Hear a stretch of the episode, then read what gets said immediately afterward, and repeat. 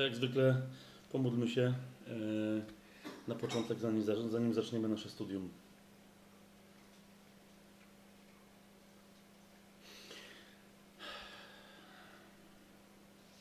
Dobry Ojcze, dziękujemy Ci za to, że pozwalasz nam zbierać się nie tylko tutaj, w tym miejscu, ale wszystkim, którzy uwierzyli w imię Twojego Syna, naszego Pana Jezusa, który jest Mesjaszem, że pozwolisz nam się gromadzić, pozwalasz nam się gromadzić w różnych miejscach na świecie, żeby, żeby się dzielić dobrem Twojego słowa, żeby się dzielić mocą Twojego ducha. Że pozwalasz nam tutaj dzisiaj wsłuchiwać się w prawdę Twojego słowa, tak żeby ona przemieniała nasze życie. Że pozwalasz nam porządkować naszą wiedzę, ale nie po to, żeby, żebyśmy mieli większy yy, porządek w głowie, ale po to, żeby ta wiedza, przemiana umysłu, której doświadczamy, mogła dotknąć naszych serc, abyśmy byli coraz bardziej wierni Twojemu Słowu, żebyśmy nie byli tylko słuchaczami Słowa, ale Jego wykonawcami, jak nas do tego Jakub w swoim liście woła. Abyśmy byli tymi, którzy, jak nas Pan Jezus sam do tego wezwał, abyśmy byli tymi, którzy zachowują Jego Słowo, którzy trwają w Jego Słowie, którzy dzięki temu trwają w Jego miłości i przynoszą owoc. Dzięki Ci, Ojcze, że dzisiaj Ty w mocy swojego świętego ducha działasz pośród nas, działasz w tych wszystkich, którzy są słuchaczami tego studium, a to Twoje działanie przyspieszy powrót Twojego syna, a naszego Pana, którego tak bardzo oczekujemy, i wzmoże w nas pragnienie i działanie ku większej chwale Twojego królestwa już tutaj, teraz, na tej ziemi, a tym bardziej na tej, która nadciąga. Amen. Amen. E, kochani, mieliśmy y, y, dzisiaj już wejść w temat Ewangelii czy dobrej nowiny o Królestwie i tak będzie, z tym, że y, po drodze okazało się, że istnieje jeszcze parę zagadnień, które, które dobrze jest rozwiązać od razu i w ramach tego głównego studium, a nie zostawiać je na przykład później na jakieś QA, pytania i odpowiedzi, które mogą gdzieś tam się, gdzieś tam się ludziom zgubić. A zatem będziemy już dzisiaj mówić o królestwie, ale bardzo jest istotną rzeczą, żebyśmy sobie wyjaśnili, czym się różni, e, dla kogo jest Ewangelia e, o Jezusie, e, dla kogo jest Ewangelia o Królestwie, czym one się od siebie różnią oraz również jak wygląda, że tak powiem, dynamika dobrej nowiny o Królestwie. Ponieważ dobra nowina o Królestwie jest, mm, jak to dzisiaj zobaczymy, dość złożonym materiałem. Tak? W pewnym momencie wręcz Pan Jezus powiedział, że Królestwo ma swoje tajemnice i te tajemnice, objawienie tych tajemnic nie jest wszystkim dane. Te tajemnice przed niektórymi są zakryte. I nawet ci, którzy są już, mają prawo wejścia do, do królestwa, niekoniecznie y, y, odkrywają tajemnicę królestwa dla siebie, więc jakby mają, mają wiecie, przepustkę y, do, do tego władztwa, w którym, w którym rządzi Pan Jezus, ale jednocześnie spraw tego królestwa, do którego są dopuszczeni, nie korzystają. Wręcz powiedziałbym, że niektórzy wręcz nie przekraczają granic E, królestwa. Niektórzy zupełnie nie, nie są świadomi obowiązków królestwa. Królestwo, rozumiecie, niezależnie od tego, jak jest różne od tego, czym są królestwa ziemskie, królestwo jest jakimś rodzajem struktury e, sprawowania władzy tak, i życia w pełnej sprawiedliwości i pokoju, ponieważ królestwo, o którym mówimy, jest tym, które jest w stanie wreszcie wprowadzić pełną sprawiedliwość, autentyczny pokój, nie tylko zewnętrzny, ale i wewnątrz ludzi itd. Tak itd. Tak nie zmienia to jednak faktu, że e, te, te wszystkie dobra, które możemy uzyskać, będąc obywatelami królestwa, wynikają ze struktury e, i ze sposobu sprawowania władzy przez określone, określoną osobę, a następnie określone osoby, które w tej władzy uczestniczą. Tak? I to się także nas tyczy. Nie możemy korzystać z tego, co daje nam królestwo, w momencie, kiedy, wie, kiedy rzeczywiście wiemy, co ono nam daje.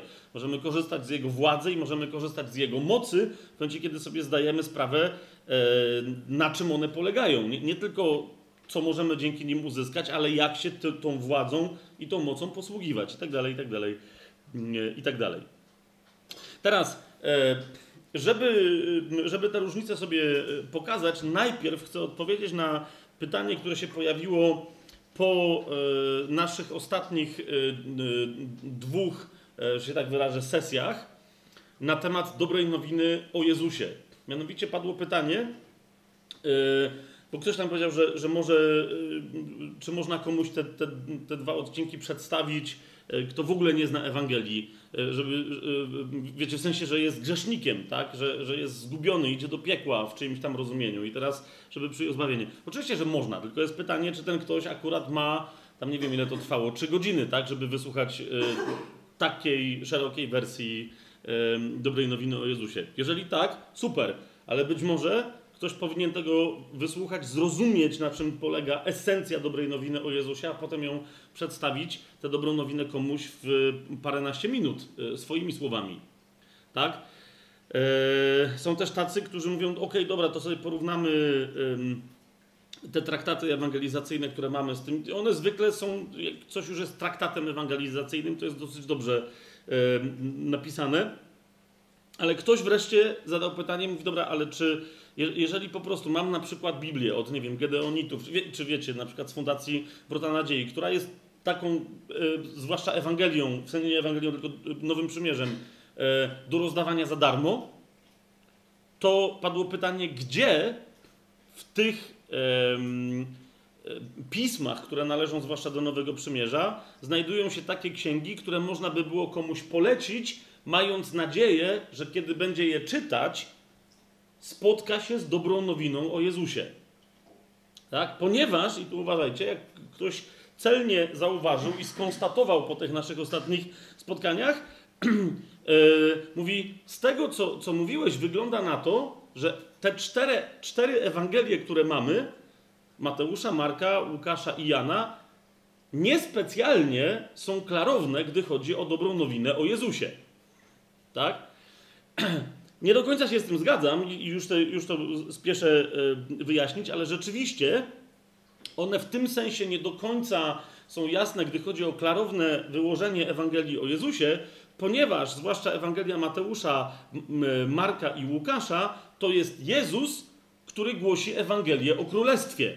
Tak? Więc rzeczywiście, e, jakby w piśmie, w Nowym Przymierzu nie mamy y, y, tych ksiąg ułożonych w takiej kolejności, jakbyśmy jej potrzebowali do ewangelizacji. Jest to jasne, co, y, o czym mówię?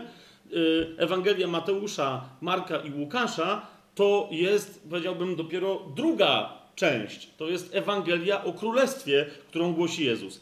Oczywiście, Oczywiście, bo nie ma teraz co, y, co przesadzać, że w tych Ewangeliach nie ma podstaw dobrej nowiny dla grzesznika, tak?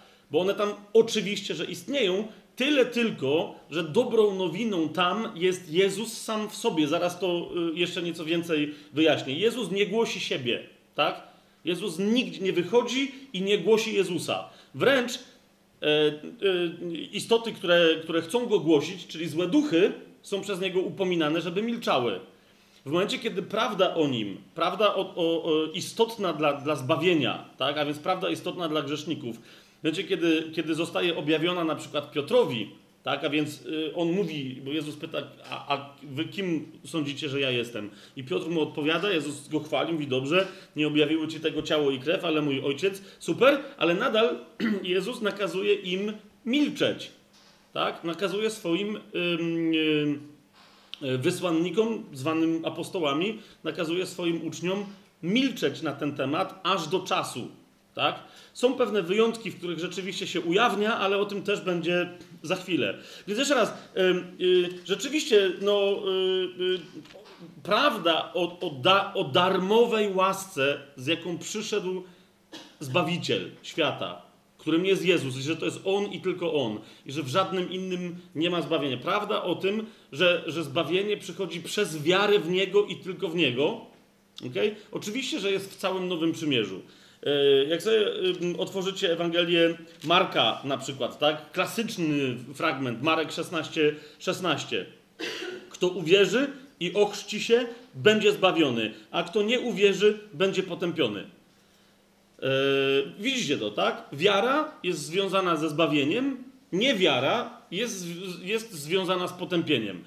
Oczywista sprawa. No, z, z drugiej strony nie tak e, znowu bardzo oczywista, ponieważ u Marka w tym fragmencie widzimy e, pewien e, charakterystyczny, pewną charakterystyczną asymetrię, bo zauważcie, jest napisane, kto uwierzy i ochrzci się, będzie zbawiony, a kto nie uwierzy i wystarczy, a nie kto nie uwierzy i się nie ochrzci. A to wystarczy, że nie uwierzy, będzie potępiony. A więc widać, że to zbawienie, o którym tutaj jest mowa, jest czymś więcej niż tylko wolnością i byciem zabezpieczonym przed potępieniem.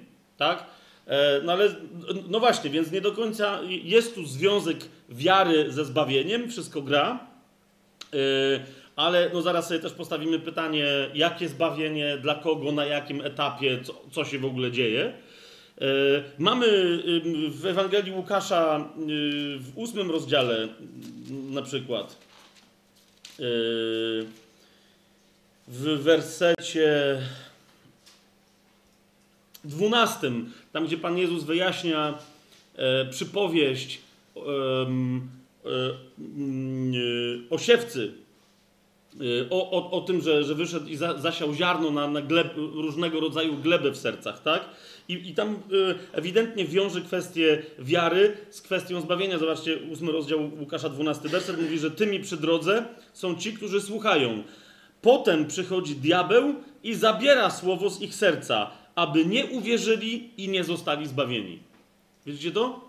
Ale jakby to są takie fragmenty wszędzie w, tych trzech Ewangeliach e, Mateusza, e, Marka i Łukasza, które zakładają z góry, że ktoś już o tym wie. Zwłaszcza jak wiecie, taka przypowieść, zwłaszcza, że to już jest interpretacja tej przypowieści, tak?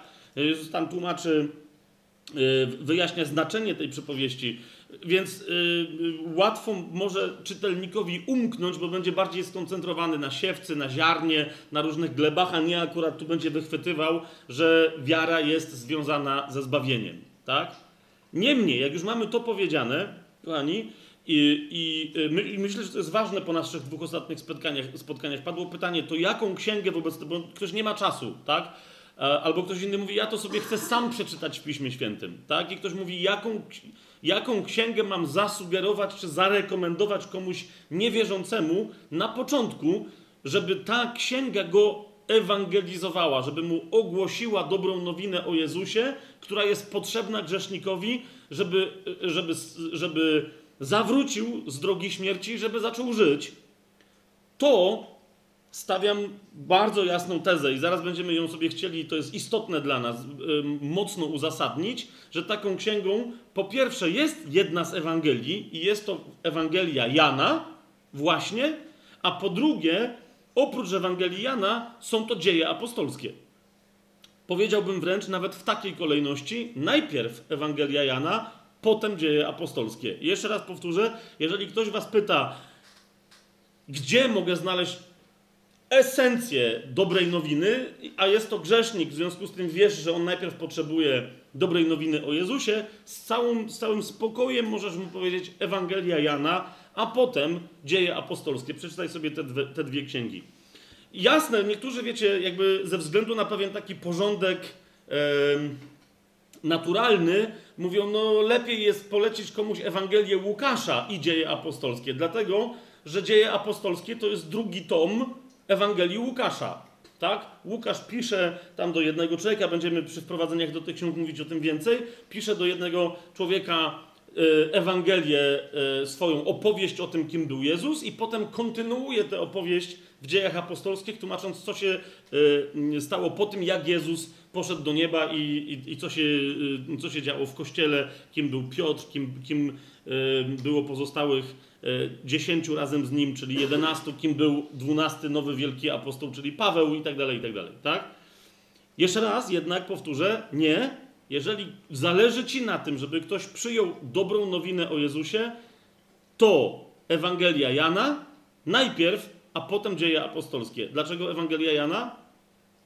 Ponieważ Ewangelia Jana od początku aż do końca, niezależnie od tego, w jak głębokie tematy wchodzi, walki światła z ciemnością, istoty życia, tego, kim jest Duch Święty, jakiego rodzaju sądy się odbywają nad światem i tak dalej, i tak dalej. Niezależnie od tego wszystkiego, zawsze jej jakby kręgosłupem jest kwestia wiary i niewiary.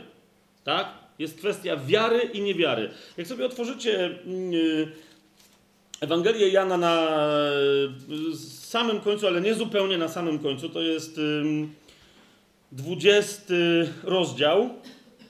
Ostatnie trzy wersety, potem jak Tomasz, y, którego nie było początkowo z pozostałymi apostołami, tam jakieś miał problemy y, z wiarą, y, pojawił mu się Pan Jezus i on tam zszokowany mm, uwierzył wobec tego, co zobaczył.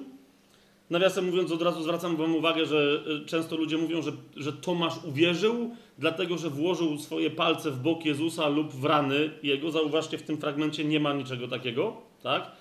I dlatego Jezus mu powiedział, y, y, y, nie powiedział mu Tomaszu, uwierzyłeś, ponieważ dotknąłeś, ale rzeczywiście Tomasz uwierzył, bo zobaczył. On się domagał, że dopóki, mówił, że dopóki nie włoży i tak dalej, i tak dalej, tak? Ale z tekstu wygląda, Jezus mu mówi, tak? W 27 wersecie włóż tu swój palec, obejrzyj moje ręce, wyciągnij swoją rękę, włóż ją w mój bok i nie bądź bez wiary, ale wiesz, a Tomasz tego nie zrobił, ale od razu mu odpowiedział mój Pan i mój Bóg. Jasne? Więc to jest jeden z takich, widzicie, jeden z takich przykładów, gdzie często więcej sobie wyobrażamy niż tekst nam mówi, albo inni nam więcej wkręcają niż tekst nam mówi. Dobrze, ale y, to jest nieistotne, tylko istotna jest końcówka 29 wersetu, potem 30 i 31 werset, tak? Czyli to jest Jana 20, 29 do 31. Tam Jezus mówi, błogosławieni, którzy nie widzieli, a uwierzyli. Widzicie to? I zaraz po tym stwierdzeniu, to jest bardzo istotne, nie na końcu Ewangelii, ale właśnie tutaj, Jan postanowił e, przedstawić, że tak powiem, misję swojej Ewangelii. Po co ona w ogóle powstała? I mówi tak: I wiele innych cudów uczynił Jezus na oczach swoich uczniów, które nie są napisane w tej księdze. Lecz te są napisane, abyście wierzyli, że Jezus jest Chrystusem, Synem Bożym, i abyście wierząc mieli życie w Jego imieniu. Widzicie to? Krótko mówiąc, sama ta Ewangelia, Duch Święty przez y, ludzkiego autora tej Ewangelii wyraźnie oświadcza, że ta Ewangelia jest napisane, jest napisana po to, aby wywołać wiarę, tak? Po pierwsze, żeby to była mm, wiara w imieniu Jezusa Chrystusa, która prowadzi do życia, do życia wiecznego, jak z innych fragmentów tej Ewangelii E, wiemy, tak? Tak tylko y, przy okazji i na poboczu, że tak powiem, ale to jest dosyć istotne pobocze, bo to jest jeden z elementów królestwa, tak? które, które, które jest już tuż przed nami, ale zauważcie, istotna rzecz, mamy mnóstwo ludzi głoszących, że aby być zbawionym, aby mieć życie wieczne i tak dalej, i tak dalej, konieczna jest wiara w Jezusa jako w Zbawiciela i w Pana. Tak? Przyjmij Jezusa jako swojego Pana i Zbawiciela, czy Zbawiciela i Pana. Tak? Wiele osób tak mówi. E, jest to rzecz oczywista, choć zauważcie, że dosyć trudną rzeczą byłoby wskazanie konkretnych, bezpośrednich fragmentów Biblii, które by mówiły, że koniecznym jest przyjmowanie Jezusa jako swojego osobistego Zbawiciela. Koniecznym jest przyjęcie, i oczywiście wiemy o tym, tak, wiara w Jego krew, to jest wszystko. I jasne, że to jest pewien skrót myślowy, tylko na co chcę zwrócić uwagę, że zauważcie, e, za wielu fragmentów z wyznawaniem Jezusa jako zbawcy są takie, teraz nie mówię, ale, ale za wielu nie ma. Tymczasem zauważcie, jak bardzo niewiele osób dzisiaj, bardzo niewielu głosicieli kładzie nacisk na to, aby wierzyć w Jezusa jako w Mesjasza.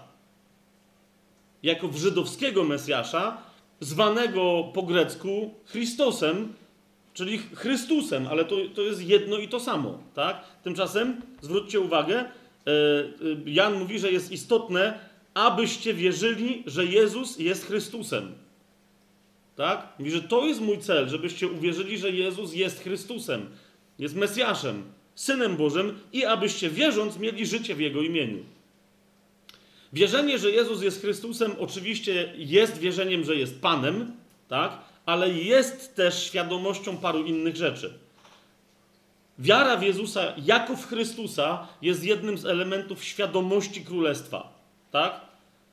To też zresztą pokazuje, jak wielu dzisiaj mamy wierzących chrześcijan, którzy przyjęli Jezusa jako Zbawiciela i jako Pana, halleluja, mają życie, ale na tym etapie i na tym poziomie świadomości się następnie zatrzymali.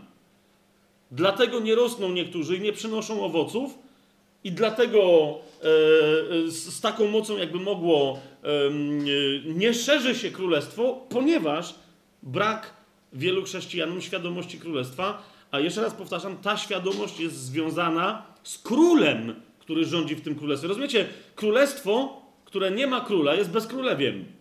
Tak? To królestwo, o które nam chodzi, jest królestwem, które ma panującego. Tak? I tym panem panującym jest Mesjasz żydowski. Tak? Nie żaden inny. Ten, który ma zasiąść na tronie Dawidowym. Poza wszystkimi innymi możliwymi tronami, na których może siedzieć. To jest jedno z docelowych miejsc, na którym on musi usiąść, a na którym jeszcze nie siedzi. Tak? To, jest, to jest ważne. Okay. E, a zatem, jak już to mamy powiedziane, e, chcę tylko pokazać parę fragmentów, bo ich jest naprawdę znacznie, znacznie, znacznie więcej. Tak? Ale nie tylko, żeby udowodnić, że Ewangelia Jana rzeczywiście cały czas głosi zbawienie przez wiarę w Jezusa, przez wiarę i tylko przez wiarę i tylko w Jezusa, ale jednocześnie chcę Wam e, tych parę fragmentów e, teraz podsunąć, żeby, jak, żeby potem znowu nie było e, pytań, że okej, okay, super, że Ewangelia Jana, ale jeżeli nie cała Ewangelia, to, to który fragment z tej Ewangelii mogę polecić? No to, no to aha, i jeszcze jedna rzecz. Bo, bo też, jak już komuś kiedyś powiedziałem, że Ewangelia Jana to jest ta Ewangelia, to z jakiegoś tajemniczego powodu otrzymałem od, odpowiedź od razu taką zwrotną, że e, właśnie bałem się, że coś takiego powiesz, bo Ewangelia Jana, Ewangelia Jana jest za trudna. Znaczy, nie chodzi mi teraz o to, że są fragmenty w Biblii, które są bardzo trudne. ok?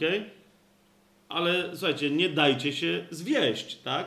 Bywa tak, że dajesz komuś za szybko do czytania Ewangelię, on ci mówi, że sam przeczyta, a wcale nie chce czytać, to jest kwestia rozeznania, tak? Dajesz, sugerujesz mu Ewangelię do przeczytania, mówisz Ewangelia Jana i on potem czyta pierwszy rozdział pierwszych parę wersetów i mówi: O kurczę, to jak to ma tak dalej iść w ten sposób? Na początku było słowo, a słowo było u Boga, i Bogiem było słowo. Ono było na początku u Boga. Wszystko przez nie się stało, a bez niego nic się nie stało, co się stało. To, jeżeli ktoś taki mówi, że to jest za trudne i potem będzie strasznie i to w ogóle. To, jest to w dodatku niewierzący, to jeszcze raz powtarzam, nie daj się zwieść. Tak? ten, kto potrzebuje usłyszeć dobrą nowinę wprost od Ducha Świętego, bez obecności innych osób, wyczytać ją z kart Pisma Świętego, przeczyta ją w Ewangelii Jana. Dlaczego? Ponieważ, yy, zwłaszcza w porównaniu z innymi Ewangeliami, ale także innymi pismami apostolskimi w Nowym Przymierzu, Ewangelia Jana jest najbardziej, powiedziałbym, powieściową Ewangelią. Tak? Okej, okay, może tego typu wstępy, jak tutaj mamy, ale umówmy się, że to i tak jest znacznie krótszy wstęp i znacznie bardziej jasny i oczywisty niż na przykład Litwo, ojczyzno moja, ty jesteś jak zdrowie Mickiewicza, tak? Które kazali się ludziom, i tam ono jest znacznie dłuższy, jest ten wstęp, nie bardzo wiadomo o co chodzi. Uczymy się tego na języku polskim, tam chłop mówi, że Litwa jest jego ojczyzną i dzieci dzisiaj naprawdę mają confusion taki, wiecie, zaraz, czyli co? To nie był Polak, czy był, co jest grane, tak? Litwini się burzą, Białorusini i wszyscy naraz. Tu mamy jasność, co się dzieje. Ale jeszcze raz, e, bywa, że na przykład Ewangelia Mateusza, Marka czy Łukasza w pewnych sytuacjach są bardzo syntetyczne w opisie, jeśli wiecie o co mi chodzi. Że jest powiedziane, przyszedł, poszedł, coś tam i więcej koncentracji na tym, co mówił. Tak? Najwięcej psychologii, powiedziałbym, jest w Ewangelii Jana. Tak? I dramatu, Yy, i zwrotów akcji niespodziewanych, czasem nawet komedii. Przypomnijcie sobie tego ślepego, którego yy, w Ewangelii Jana, tam nie ma nigdzie indziej takiej opowieści, którego Jezus uzdrawia, tak? Którego rodzice się boją i nie chcą odpowiadać przed Sanhedrynem, przed faryzeuszami, więc oni jego ściągają, i, a on zaczyna się na nich denerwować. Nie wiem, czy pamiętacie, nie, nie będę teraz, jak wszyscy pamiętają, okej, okay, a ci, którzy tego nie czytają, nie będziemy teraz tego robić, ale tam to jest przecież genialne. Ja, ja z, z, zawsze jak to czytam, naprawdę rozumiejąc powagę sytuacji, jednak się śmieję, tak? Bo, bo, bo, bo to, była, to była komiczna sytuacja, w której żebrak do tej pory dopiero co uzdrowiony, były ślepiec, zaczyna się nabijać z uczonych faryzeuszy. I oni widzą, że nie są w stanie mu się przeciwstawić. Tak? Zatem tego typu historii w Ewangelii Jana jest wiele, bardzo konkretnych opisów, tak? precyzyjnych sformułowań, odniesień, że była godzina taka i taka, albo była godzina inna, tak? Szczegółów wręcz powiedziałbym ym, ym, architektonicznych czy fizjologicznych i tak dalej. Bardzo dobrze się te Ewangelie czyta, tak? Jeżeli Jezus z kimś rozmawia, weźcie sobie y, dialogi na przykład z trzeciego rozdziału z Nikodemem, czy z czwartego e, rozdziału z Samarytanką i tak dalej. Rozumiecie, to są przedłużone opisy konkretnych rozmów, gdzie widzimy, jakie Jezus miał w ogóle podejście do człowieka. Wiele z tych osób, które czytają po raz pierwszy Ewangelię Jana, znajdują sobie jakąś postać w tej Ewangelii, z którą się szczególnie utożsamiają. Wiecie o co mi chodzi, tak? Czy to będzie Samarytanka, czy to będzie e, właśnie Nikodem, czy to będzie kobieta oskarżona e, o cudzołóstwo, którą tam chcą zabić i tak dalej, i tak dalej, i tak dalej. E, Niemniej, od samego początku Ewangelia Jana głosi zbawienie przez wiarę. Zobaczcie, pierwszy rozdział, dwunasty werset. Jest wyraźnie powiedziane, że słowo, to, które jest od początku tego rozdziału głoszone, w 12 wersecie jest powiedziane, że to słowo, które właśnie od początku jest zgłoszone wszystkim tym, którzy go przyjęli, mm, słowo, czyli, y, czyli ten, y, czyli Chrystus, tak? Ten, który był światłością. Wszystkim tym, którzy go przyjęli, dał moc, aby się stali synami Bożymi. To jest tym, którzy wierzą w Jego imię. Widzicie, to jest zaraz na początku powiedziane i jest dalej w 13 wersecie powiedziane, którzy są narodzeni wobec tego nie z krwi, ani z woli ciała, ani z woli mężczyzny, ale z Boga. Tak? Temat nowego narodzenia, narodzenia nie po ludzku, ale narodzenia duchowego, narodzenia z Boga jest również wielkim tematem w Ewangelii Jana. Tak? O Nowym Narodzeniu zasadniczo y, mówi y, wprost, tak? Tak wprost mówiąc, że jesteśmy nowonarodzeni, mówi y, w pozostałych pismach Nowego Przymierza w zasadzie chyba tylko Piotr w swoim pierwszym liście zaraz na początku, tak? Kiedy mówi, że jesteśmy zrodzeni na nowo przez Boga. Ale więcej szczegółów tego, tej dynamiki tego procesu bycia poczętym i zrodzonym przez Boga, daje nam właśnie Ewangelia Jana. No weźcie chociażby, kto się nie narodzi na nowo z wody i z ducha i tak dalej, i tak dalej, tak? Dobrze, ale skoro już o tym mowa, e, pierwszy, e, w sensie trzeci rozdział Jana, zobaczcie, głoszenie tej prawdy, że tylko przez wiarę jesteśmy zbawieni, tylko przez wiarę, tylko w Jezusa Chrystusa, jako Chrystusa, jako Syna Bożego i jako Pana, e, cały czas e, przewija się przez całą tę Ewangelię. Weźmy właśnie trzeci rozdział, wersety 14 do 18, powiedzmy, bo to e, najlepiej. To jest większy dyskurs, jak wiecie, ale. Jak Mojżesz wywyższył węża na pustyni, tak musi być wywyższony Syn Człowieczy. Aby każdy, kto w Niego wierzy, nie zginął, ale miał życie wieczne. Tak bowiem Bóg ukochał świat, że dał swojego jednorodzonego syna, aby każdy, kto w niego wierzy, nie zginął, ale miał życie wieczne. Dwukrotnie powtórzone. Każdy, kto w niego wierzy, żeby nie zginął, ale miał życie wieczne. Bo Bóg nie posłał swojego syna na świat, aby potępił świat, lecz aby świat był przez niego zbawiony.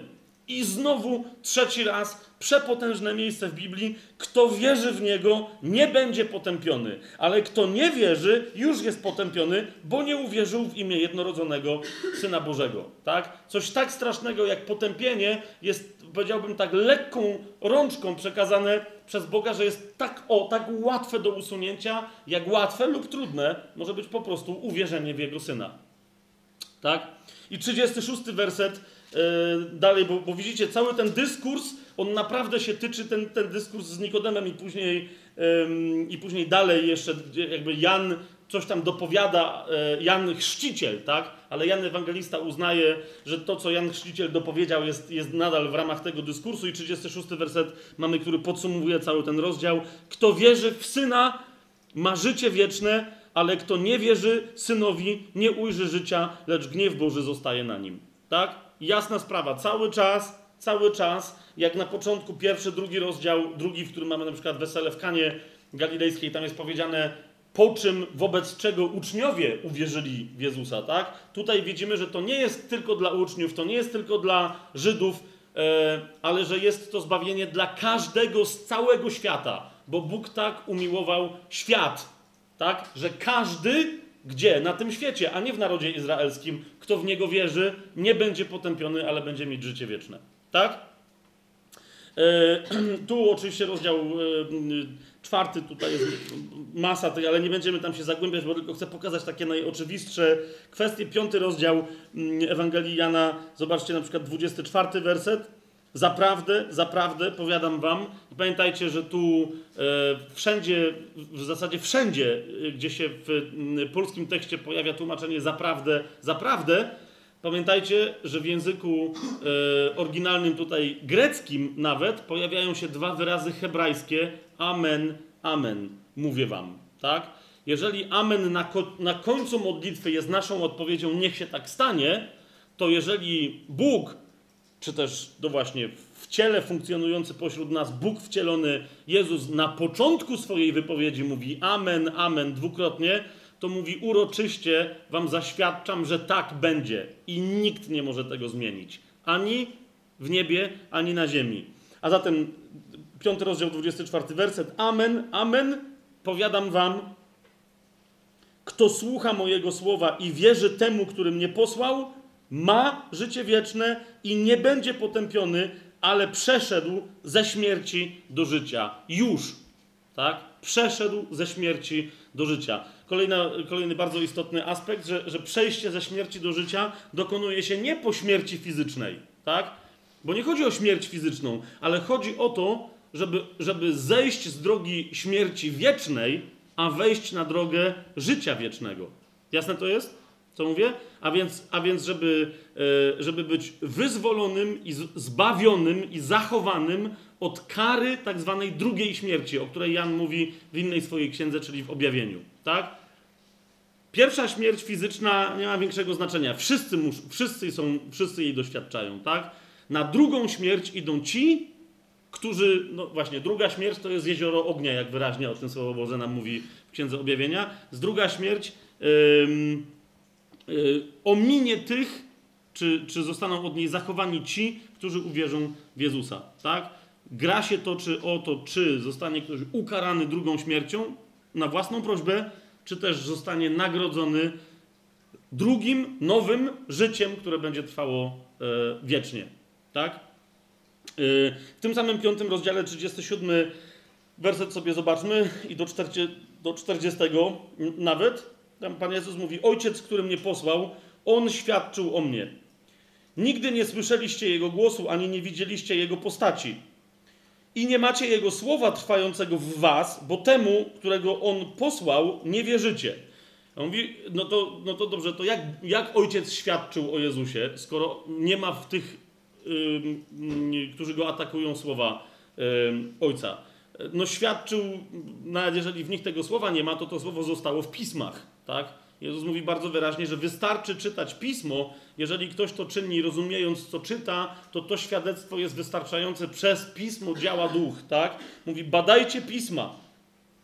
Sądzicie bowiem, że w nich macie życie wieczne, a one dają świadectwo o mnie. Czyli Jezus mówi, dobrze sądzicie. One dają świadectwo o mnie, tylko zrozumcie, że życie wieczne nie jest w tych pismach, ale jest w tym, o czym one świadczą, czyli we mnie. Tak? 40 werset, a jednak nie chcecie przyjść do mnie, aby mieć życie. Tak? Jakie jest to przyjście, to już, to już wiedzieliśmy, że tym przyjściem jest wiara. I natychmiast Jezus do tego, nawet wobec tych, którzy, wiecie, byli badaczami pisma, natychmiast się odwołuje. Mówi, nie wiedza, ale wiara. Zobaczcie od 44 wersetu, ponieważ tam mówi, co stanowi problem. Jakże możecie wierzyć, skoro przyjmujecie chwałę jedni od drugich, a nie szukacie chwały, która jest od samego Boga? Kolejna rzecz, na którą Jezus zwraca uwagę w wielu innych miejscach, nie jest to tak klarownie wypowiedziane, jak właśnie w tej Ewangelii. Tak? Że jedną z rzeczy, która przeszkadza w tym, żeby przyjąć wiarę Jezusa Chrystusa w siebie i żeby zacząć wierzyć Jemu, a przez Niego, żeby zacząć wierzyć Ojcu, jedną z tych rzeczy, która przeszkadza, jest to, że ludzie odwracają się do innych ludzi i od nich boją się potępienia i od nich oczekują pochwały. Jezus mówi, gdybyście naprawdę oczekiwali wszystkiego od Ojca, jak mówicie, że od Niego oczekujecie, to od Niego oczekując pochwały lub bojąc się Jego nagany, Jemu tylko i tylko Jemu byście wierzyli oraz temu, którego On posłał. 45 do 47 wersetu. Nie sądźcie, że ja was będę oskarżał przed Ojcem. Jest ktoś, kto was już oskarża, Mojżesz, w którym wy pokładacie nadzieję. Widzicie, tu Jezus mówi, że nawet pokładanie nadziei w kimś takim jak Mojżesz jest błędne. Tak? Ponieważ nie jego słowo zbawia, ale ten, który jest słowem wcielonym i którego Mojżesz tylko zapowiadał. Ale mówi Jezus, gdybyście wierzyli Mojżeszowi, wierzylibyście i mnie, gdyż on pisał o mnie. To jest to. Jest to. Jeśli jednak nie wierzycie jego pismom, jakże uwierzycie moim słowom?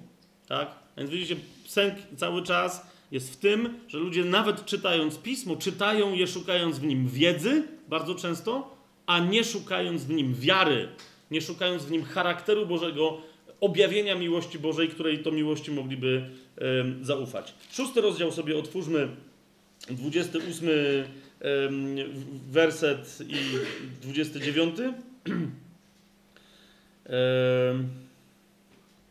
Jezus tam mówi o tym, że, że, że, powinni ci, którzy go słuchają, zabiegać nie o pokarm, który ginie, ale o pokarm, który trwa ku życiu wiecznemu. wiecznemu i zapytali go wówczas, cóż mamy robić, abyśmy wykonywali dzieła Boga. A Jezus mówi, że jedyną robotą, jaką mają, cytuję, odpowiedział im Jezus, to jest dzieło Boga, abyście wierzyli w tego, którego Bóg posłał. To jest całe dzieło. Z tej wiary yy, cała reszta się rodzi, z tej wiary cała reszta wynika. Zobaczcie 30, yy, 35 werset i następny. Jezus mówi o sobie: Ja jestem chlebem życia. Kto przychodzi do mnie, nie będzie głodny, a kto wierzy we mnie, nigdy nie będzie odczuwał pragnienia. Ale wam powiedziałem, chociaż widzieliście mnie, nie wierzycie. Wszystko, co mi daje ojciec, przyjdzie do mnie, a tego, który przyjdzie do mnie, nie wyrzucę precz. Stąpiłem bowiem z nieba nie po to, żeby czynić swoją wolę, ale wolę tego, który mnie posłał. A to jest wola Ojca, który mnie posłał, abym nie stracił nic z tego wszystkiego, co mi dał, ale abym to wskrzesił w dniu ostatecznym. I to jest wola tego, który mnie posłał, aby każdy, kto widzi syna i wierzy w niego, miał życie wieczne, a ja go wskrzeszę w dniu ostatecznym do tego życia wiecznego, bo potem jest jeszcze rozważanie, że niektórych Jezus wskrzesi, ale się dowiedzą, że, że powstali do, do śmierci wiecznej. Niemniej widzicie, jak, jak bardzo zagadnienie wiary jest tutaj z jeszcze innej strony rozważone. Jeszcze raz 47 werset, chociażby tylko w tym, w tym rozdziale. Zobaczcie, jak to jest cały czas myśl przewodnia całej tej Ewangelii. Szósty rozdział, 47 werset. Amen, amen, powiadam wam, kto wierzy we mnie, ma życie wieczne. Jezus nie powtarza, nie, nie przestaje tego w tej Ewangelii powtarzać. Siódmy rozdział, zobaczmy, 38 werset. Kto wierzy we mnie, jak mówi pismo, rzeki wody żywej popłyną z jego wnętrza. To jest dalsze wyjaśnienie, dlaczego ten, kto wierzy w Jezusa, mając życie, nigdy nie będzie łaknąć ani pragnąć. Tak? Ponieważ w nim wytryśnie źródło wody żywej płynącej ku wieczności. Yy, ósmy rozdział, zobaczmy, idąc tak yy, po kolei, 23 yy, werset i 24. Yy, powiedział do nich: Wy jesteście z niskości, a ja jestem z wysoka. Wy jesteście z tego świata, ja zaś nie jestem z tego świata. Dlatego wam powiedziałem, że umrzecie w swoich grzechach. Dlaczego? Bo jeśli nie uwierzycie, że ja jestem, umrzecie w swoich grzechach. Tak? Wiara, że on jest nie z tego świata, a skoro jest na tym świecie, skąd się wziął z innego świata. Z jakiego? No z tego świata, który jest światem niebieskim, jak w wielu innych miejscach o tym mówił. Ja jestem Jestem synem Bożym, jestem jedynym wyjątkowym synem Boga, którego wy, yy, którego wy czcicie. Okej, okay, i tak, widzicie, bo tak możemy ciągnąć aż do końca tej Ewangelii. Tak? Nie będziemy tego robić, tylko chcę, że dalej sobie sami postudiujcie momenty, które mówią o wierze w różnych, przeróżnych kontekstach. Ale widzicie sami, że, że podstawa tu jest Ewangelii dobrej nowiny o Jezusie. Co więcej, na to Wam zwrócę uwagę. W tej jednej, jedynej Ewangelii, w tej jednej, jedynej Ewangelii, Jezus przedstawia siebie bezpośrednio jako Mesjasza. Żadnej innej. Okej, okay, ktoś powie, że przedstawia się na przykład w Ewangelii Łukasza w czwartym rozdziale. Okej, okay, rzeczywiście to, co on tam mówi, tak, cytując Izajasza i mówiąc oto słowa w waszych uszach, się, które, które usłyszeliście e, przeze mnie odczytane, właśnie się w tym momencie wypełniają, tak? No tylko e, Jezus nie powiedział wprost, że te słowa odnoszą się, które przeczytał z Izajasza, odnoszą się do Mesjasza i że on nim jest, tak? Natomiast mamy takie miejsce w czwartym rozdziale, właśnie Ewangelii Jana, gdzie Jezus mówi wprost, otwarcie, o jednej, jedynej osoby, że jest Mesjaszem. I teraz jeszcze zauważcie, do, jaka to jest osoba. To jest czwarty rozdział. W 25 wersecie Jezus rozmawia, uwaga, z nieżydówką, tak? Okej, okay, z Samarytanką, więc też nie do końca z poganką, ale w zasadzie z poganką, tak? A więc rozmawia z osobą, której dopiero co tłumaczy, że zbawienie pochodzi od Judejczyków, czyli od Żydów i że ty nie bardzo wiesz, kobieto, o co chodzi, tak? Więc nie ma się co rzucać. A jednak to właśnie wobec niej ona mu mówi, 25 werset, zobaczcie, kobieta mu powiedziała: Wiem, że przyjdzie Mesjasz, zwany Chrystusem, no bo po hebrajsku Hamasija, po grecku Chrystus. Gdy on przyjdzie, oznajmi nam wszystko. I zobaczcie odpowiedź Jezusa. Jezus jej powiedział: Ja, który mówię z tobą, jestem nim. Ok? Więc to jest jedno, jedyne miejsce, gdzie Jezus tak wyraźnie, mimo że wszystkim innym zakazuje, tutaj objawia się jako Mesjasz i mówi jej, jeżeli mówisz o Mesjaszu, to ja nim jestem. Być może dlatego, że, że wie, że to miejsce nie będzie później za specjalnie nawiedzane, ale na słowo tej kobiety później nawraca się całe miasteczko samarytańskie tam obok, więc prawdopodobnie Sychar yy, yy, całe, okej. Okay Dobrze, otwórzmy sobie dziewiąty rozdział. A propos, jak żeśmy rozmawiali o, o tym ślepcu, którego tam Jezus uzdrowił. Zobaczcie, dziewiąty rozdział, 35 werset i następne.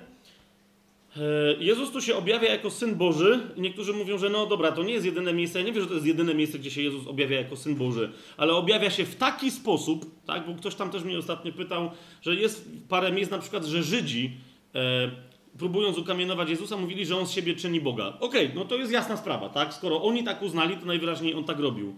Ale tu jest jedno z takich miejsc, gdzie Jezus ewidentnie e, staje przed drugim człowiekiem jako Bóg. Okay? Zauważcie to. Mówi, nazywa siebie synem Boga, ale następnie pewnym czynem, który dla Żydów akurat jest nawet jeszcze bardziej istotny, zaraz po tym wyznaniu potwierdza, że on jest tym, który może o sobie powiedzieć: Ja jestem. Tak? Zobaczcie, 35 werset, 9 rozdział. Gdy Jezus usłyszał, że go wypędzili, ten tam, ten niewidomy, tak, tam faryzeusze go wypędzili, już uzdrowiony niewidomy, znalazł go i zapytał, czy wierzysz w Syna Bożego?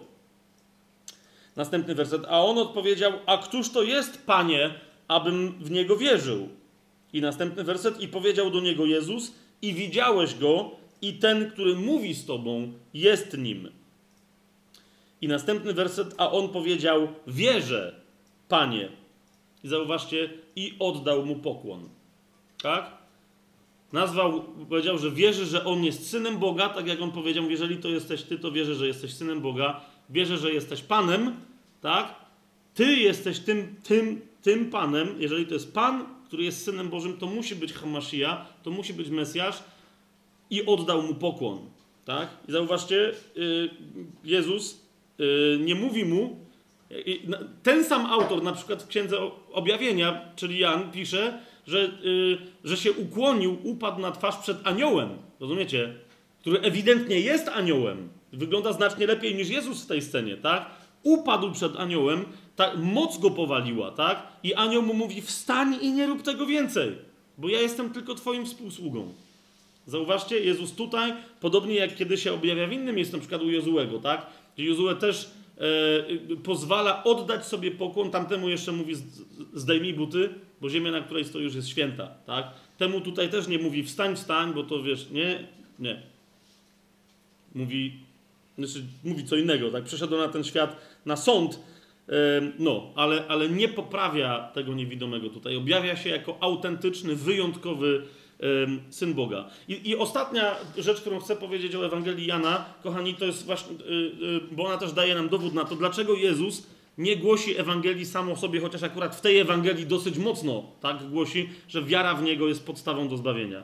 Dlaczego? Ponieważ Jezus sam w sobie jest dobrą nowiną, więc kiedy w innych Ewangeliach Jezus mówi wierzcie w Ewangelię, nawracajcie się i wierzcie w Ewangelię, bo bliskie jest Królestwo, to Jezus mówi de facto wierzcie we mnie.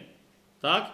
Podstawa Ewangelii, tej, tej dobrej nowiny o Jezusie brzmi jak? Jeżeli w sercu swoim uwierzysz, że Bóg Jezusa wskrzesił z martwych, tak? A ustami wyznasz, że jest Panem, będziesz zbawiony. Najkrócej rzecz ujmując, cytując 10 rozdział listu do Rzymian, tak?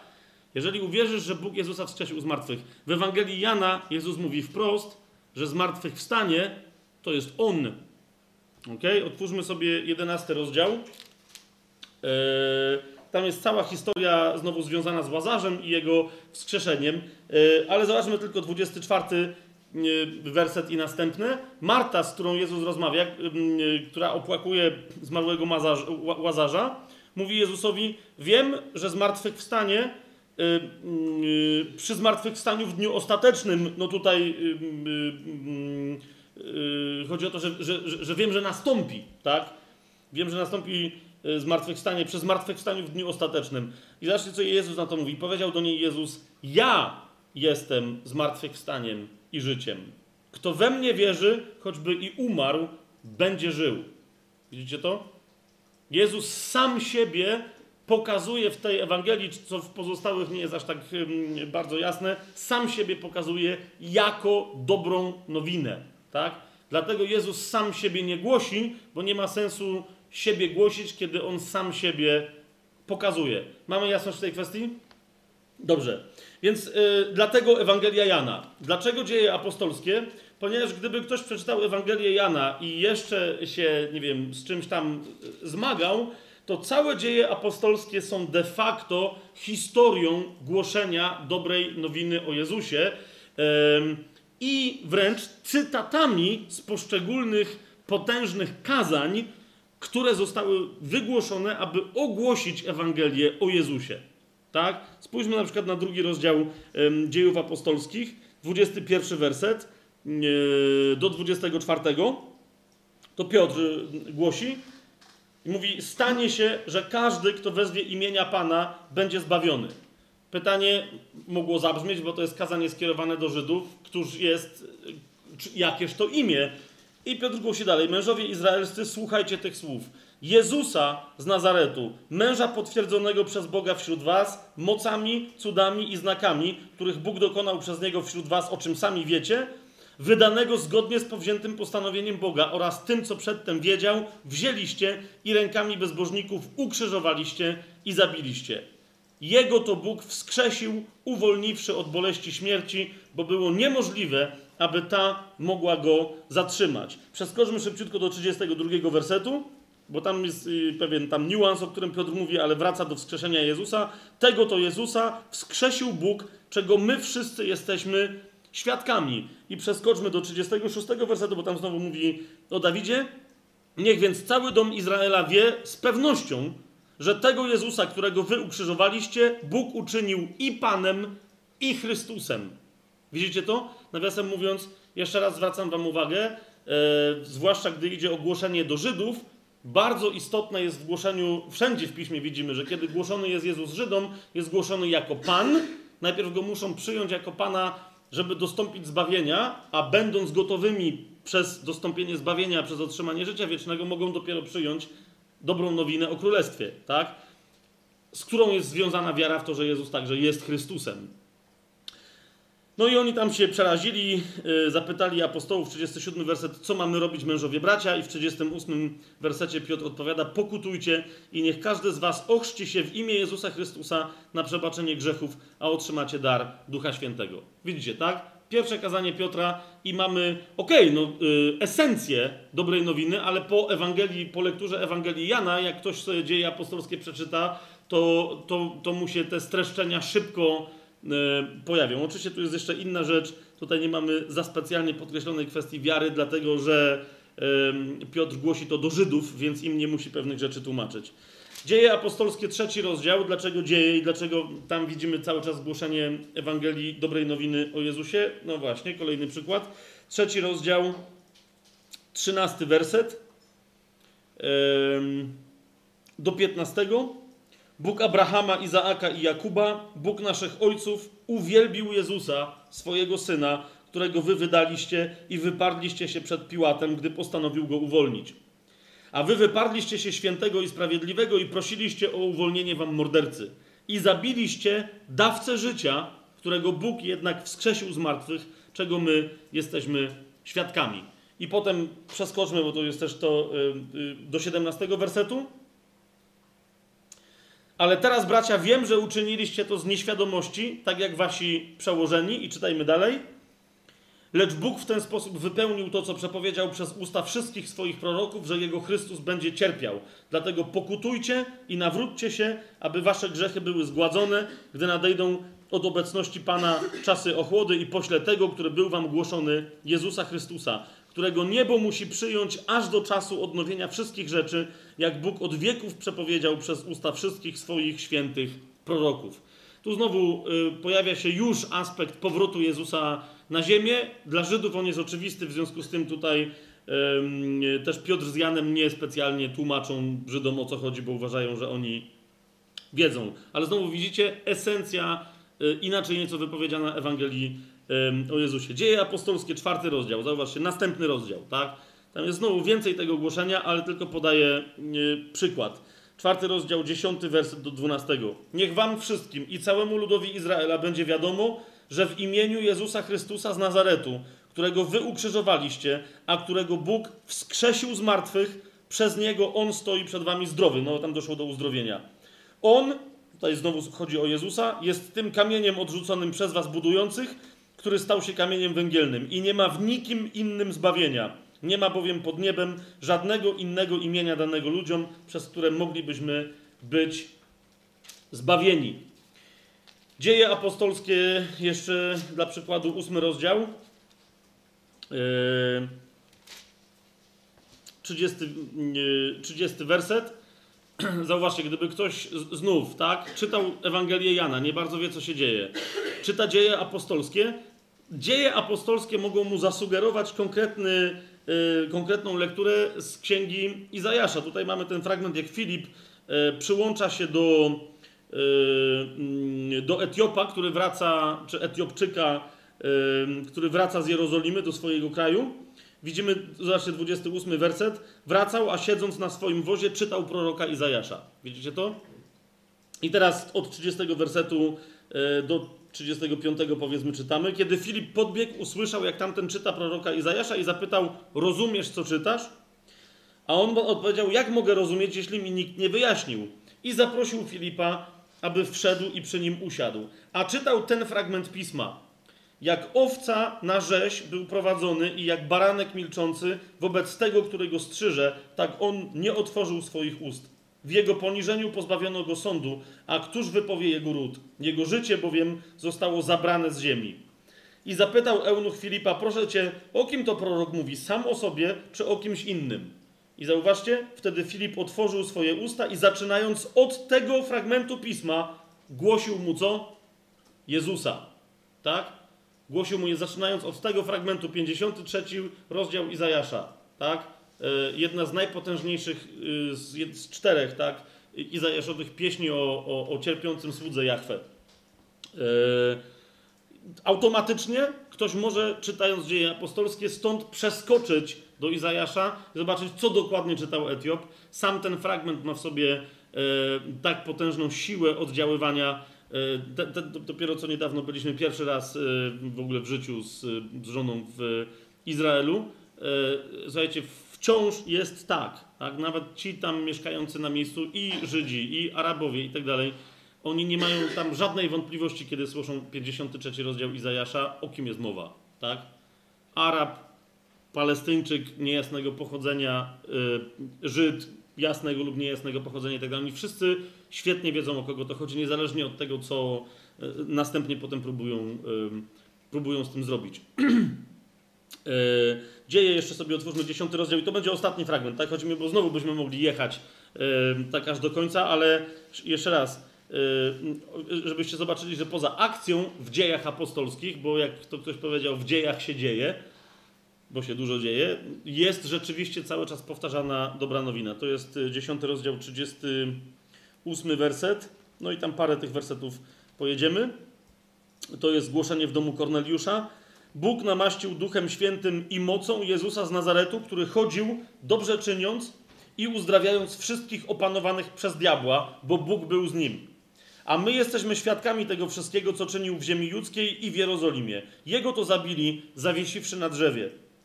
Jego wskrzesił Bóg trzeciego dnia i sprawił, żeby się objawił nie całemu ludowi, ale świadkom przedtem wybranym przez Boga, nam, którzy z nim jedliśmy i piliśmy po jego zmartwychwstaniu. Nakazał nam też głosić ludowi i świadczyć, że on jest ustanowionym przez Boga sędzią żywych i umarłych. Temu wszyscy prorocy wydają świadectwo, że przez jego imię każdy, kto w niego wierzy, otrzyma przebaczenie grzechów. Widać to? Okay. Więc y, y, kolejne, tu, tu, y, tu jest wiara i o tym, że wiara przez, w imię Jezusa gładzi grzechy, dlatego że tutaj Piotr głosi w domu Korneliusza, a więc głosi poganom. Więc znowu zauważcie, jaka jest zmiana, jakie tematy akcentuje w głoszeniu dobrej nowiny o Jezusie Żydom, a co następnie akcentuje, kiedy rozmawia, kiedy rozmawia z poganami. Zatem Ewangelia Jana, dzieje apostolskie. I teraz, kochani, jak już to, my, to mamy wyjaśnione, chciałem, żeby to było jasne. E, dobra nowina o Jezusie jest dobrą nowiną dla grzesznika. Jaka jest różnica fundamentalna między tymi. Y, to nie są dwie różne dobre nowiny, tak? To są, że tak powiem, dwa różne etapy głoszenia i przejmowania dobrej nowiny. Dobra nowina o Jezusie jest dobrą nowiną dla grzesznika. Jest dobrą nowiną dla osoby zgubionej, jak w innym miejscu, w wielu innych miejscach pismo ją nazywa, dla osoby, która jeszcze żyje życiem biologicznym na tej ziemi, ale kiedy umrze, nie uwierzywszy w tego, który może przynieść jej ratunek, wówczas może pójść i pójdzie do piekła, tak? Na zatracenie wieczne, nie do jakiegoś, wiecie, piekła takiego czy innego wyznania, tylko do jeziora ognia, które jest nazwane wyraźnie w Biblii drugą śmiercią, tak? I w tym jeziorze ognia pozostanie na wieki wieków, na swoje własne życzenie. Tak? Zatem dobra nowina o Jezusie jest dobrą nowiną o darmowym darze zbawienia, który Bóg chce dać wszystkim. Uwaga, to jest bardzo istotne. Nawiasem mówiąc, bo, bo mam, nie wiem, czy ostatnio to odpowiednio dobrze wybrzmiało. Pamiętajcie, my nie idziemy do ludzi, żeby dopiero ich odkupywać. Tak? religijnym hasłem posłużę. My nie musimy. Wszyscy na całym świecie, cały świat, cała rzeczywistość przez Chrystusa już jest odkupiona. To jest jasne? Krótko mówiąc, czy my głosimy dobrą nowinę, czy nie głosimy, my, duch, w momencie, kiedy Jezus wisiał na krzyżu i krzyknął, wykonało się, co się stało, jak, jak, jak pisze ewangelista Jan? Jezus umarł, a umierając, oddał ducha na cały świat. Tak?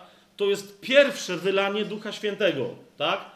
Nie to przyjście Ducha Świętego, o którym Jezus powiedział do zbawionych swoich uczniów, tak? Czekajcie na Ducha Świętego, czekajcie na moc z wysoka. Nie, ale to jest ten duch, który rozlał się po całym wszechświecie, wszędzie w tym, w tym wszechświecie, będąc świadkiem, że cały ten wszechświat jest odkupiony. Tak? nie doszło jeszcze do egzekucji tego odkupienia, tak? To, to jest, rozumiecie, jest wydany wyrok, tak? Władca tego świata, jak mówi pismo, został osądzony i o tym mówiliśmy w naszych ostatnich spotkaniach. Władca tego świata został osądzony, tak?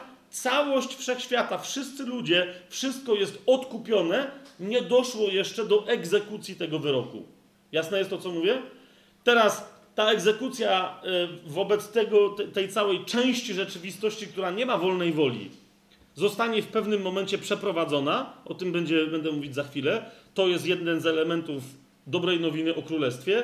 Natomiast, natomiast wśród tych, którzy mają wolną wolę, czyli wśród nas, tak, ludzi, kobiet i mężczyzn, ten fakt bycia odkupionym musi być zaakceptowany. Tak? Jest jeden, jedyny, e, jedna, jedyna historia w całym wszechświecie, która jest nieco inna. Niewolnik jest już zapłacony, ale czy będzie chcieć żyć jako wolny, to zależy tylko od niego. Tak? To jest dobra nowina. Pamiętajcie, że, że kiedy my głosimy dobrą nowinę, my y, idziemy do ludzi, na których już działa Duch Święty. Ten Duch Święty, który po okrzyku Jezusa wraz z jego ostatnim tchnieniem wykonało się, po, po tym okrzyku Jezusa został wydany na cały świat. Ten Duch Święty działa w całym świecie, wszystkich przekonując. Tak? Jezus mówi, że ten duch będzie wszędzie działał, będzie ich przekonywał o grzechu, o sprawiedliwości i o sądzie. Nie będę teraz tego rozważał, bo ostatnio to robiliśmy to ostatnio. Mówiłem o tym fragmencie, tak, że o grzechu, okej, okay, o grzechu, o sprawiedliwości yy, i o sądzie. Naszym zadaniem jest tylko współpracować z Duchem Świętym w konkretnym głoszeniu, konkretnym osobom. Czasem nawet nie wiemy, czy konkretnym osobom. Bo tak jak na przykład ja teraz, my sobie tu siedzimy, ale jeżeli głosimy dobrą nowinę o Jezusie, to ja nie wiem, kto potem to na przykład wiecie przez jakieś tam nośniki przez YouTube'a, przez coś tam jeszcze usłyszy. Tak? Ale mamy być posłuszni my Duchowi Świętemu, który sam wykonuje dzieło e, głoszenia dobrej nowiny o Jezusie. Tak? On jest nowym głosicielem. Jezus, jak powiedział, że przyjdzie nowy pocieszyciel, tak? Jeszcze o Duchu Świętym będziemy kiedyś mówić o tym więcej. To zauważcie, pierwszym pocieszycielem, który przyszedł na świat, był kto? Jezus. Tak? I jak mówi, że przyjdzie po mnie nowy pocieszyciel, to znaczy kolejny po mnie. Tak? I dopóki ja nie wrócę fizycznie w ciele na ziemię, żeby zapoczątkować królestwo tysiącletnie, dopóty działać będę ja w was, nie zostawię was sierotami, Ewangelia Jana, ale co? Przyjdę do was w moim duchu, tak? To jest nowy pocieszyciel, którego wy teraz cały czas macie i, i będę do was przemawiać za jego pośrednictwem, podobnie zresztą jak, ym, jak ojciec, tak?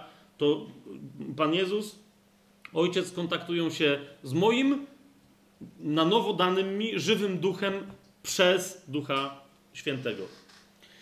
Teraz, czym zatem jest Ewangelia o Królestwie? Tak? Ewangelia o Jezusie jest Ewangelią, która prowadzi martwego do życia, tak? która prowadzi zgubionego do wskrzeszenia z martwych, która zbawia grzesznika od kary za jego grzechy. Jasne jest to, o czym, o, o czym mówimy? Teraz, w momencie, kiedy grzesznik otrzymuje zbawienie, rodzi się na nowo, jest nowym stworzeniem. O tych tematach zaraz jeszcze zaczyna się w nim nowe życie. To nowe życie jest życiem nowego stworzenia, a tym nowym stworzeniem jest nowy człowiek w Jezusie Chrystusie. Teraz ten ktoś może dopiero, ponieważ w ogóle ma otwarte na to uszy, ten ktoś dopiero może zacząć słyszeć dobrą nowinę o królestwie. Tak? Dlatego Jezus w momencie, kiedy chodził po ziemi i głosił, to co głosił, nie było przyjmowane przez ludzi, którzy go słuchali, ponieważ oni w większości jeszcze nie byli zbawieni. Jezus wiedział, że sam z siebie jest dobrą nowiną, a to co głosi, dopiero kiedy zostanie powtórzone, będzie przez większą, przez wielu zrozumiane. Tak? Dlatego powiedział, że kiedy przyjdzie Duch Święty, On wam to wszystko, o czym mówiłem, powtórzy i On was dopiero wszystkiego nauczy. Tak? Dopiero przez Niego zrozumiecie to, co ja wam do tej pory mówię. Zresztą wiecie, nawet wtedy, kiedy Jezus mówił o duchu, to niektórzy nadal nie wiedzieli, o co Jezusowi chodziło, tak? Jeden tam zwrócił uwagę, że no teraz dopiero wreszcie mówisz jasno, a nie w przypowieściach, a i tak z jego wypowiedzi tego ucznia nadal wynika, że i tak dalej nie wiedział, o co chodzi. Tak?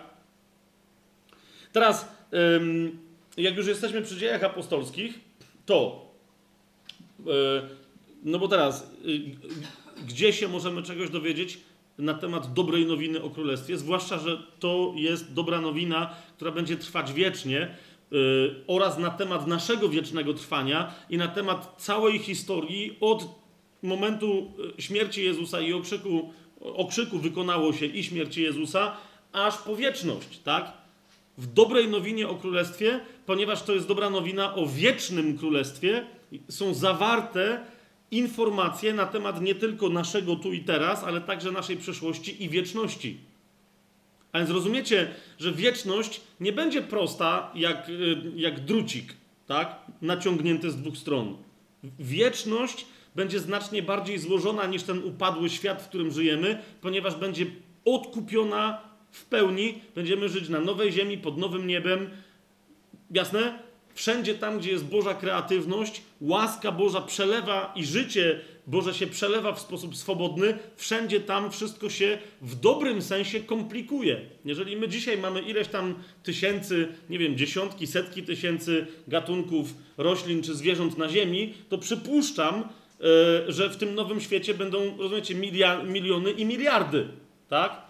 Istnień, o których do tej pory nawet nie wiedzieliśmy. Jeżeli my dzisiaj znamy jakieś parę form twórczości na tej ziemi, to wtedy pojawią się zupełnie nowe, o których dzisiaj nawet nie mamy pojęcia, tak? Że będzie można łączyć w sobie wiele różnych sztuk i tak dalej, i tak dalej.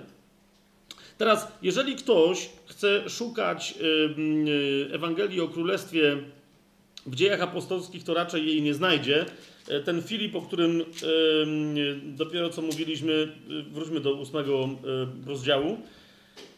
Widzicie, Łukasz, który pisze dzieje apostolskie, tak bardzo uważa, że co należało napisać na temat królestwa, napisał już w swojej Ewangelii, że dosłownie za każdym razem, kiedy pokazuje kogoś, kto głosi Ewangelię o królestwie w dziejach apostolskich, Mówi tylko, że głosił Ewangelię o dziejach, e, że głosił Ewangelię o Królestwie i tyle.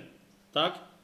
Bo uważa, że właśnie Ewangelia, którą napisał, wyjaśnia, co też ten ktoś mógł głosić. Zobaczcie sobie na przykład ósmy rozdział mm, e, dziejów apostolskich, dwunasty werset.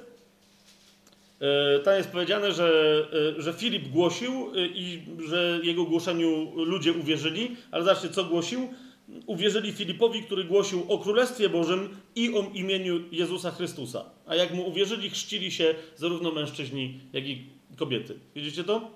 Y, Dzieje apostolskie, 14 rozdział sobie otwórzmy.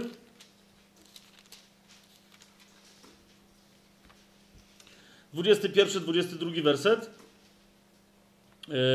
Tam Paweł z Barnabą głoszą, zobaczcie 21 werset, kiedy głosili Ewangelię temu miastu i pozyskali wielu uczniów, wrócili do Listry, Ikonium i do Antiochii. A więc widzicie, zawsze to jak, jaka to była Ewangelia, którą głosili temu miastu? Musiała to być Ewangelia o Jezusie, tak? Tym, którzy przyjmują Jezusa, dopiero głosi się Ewangelię o Królestwie. Zobaczcie, 22 werset. Umacniając duszę uczniów i zachęcając do trwania w wierze, mówili, że przez wiele utrapień musimy wejść do Królestwa Bożego. Jasne? Głosimy Ewangelię o Jezusie, potem głosimy Ewangelię o Królestwie. Tutaj zauważcie jedną bardzo interesującą rzecz, kiedy mówimy o Królestwie, bo zaraz, dlatego chcę pokazać parę fragmentów, żebyście zrozumieli, bo niektórzy, rozumiecie, trwa kłótnia dzisiaj, o to mi chodzi, tak? I dlatego ja to y, bardzo dla mnie istotne, żeby to jest rozbić, żeby wam pokazać wiele fragmentów, żebyście zrozumieli to, co za chwilę y, powiem, porządkując, tak? Ale są ludzie, którzy na przykład otworzą taki fragment i mówią, nie ma jeszcze Królestwa Bożego.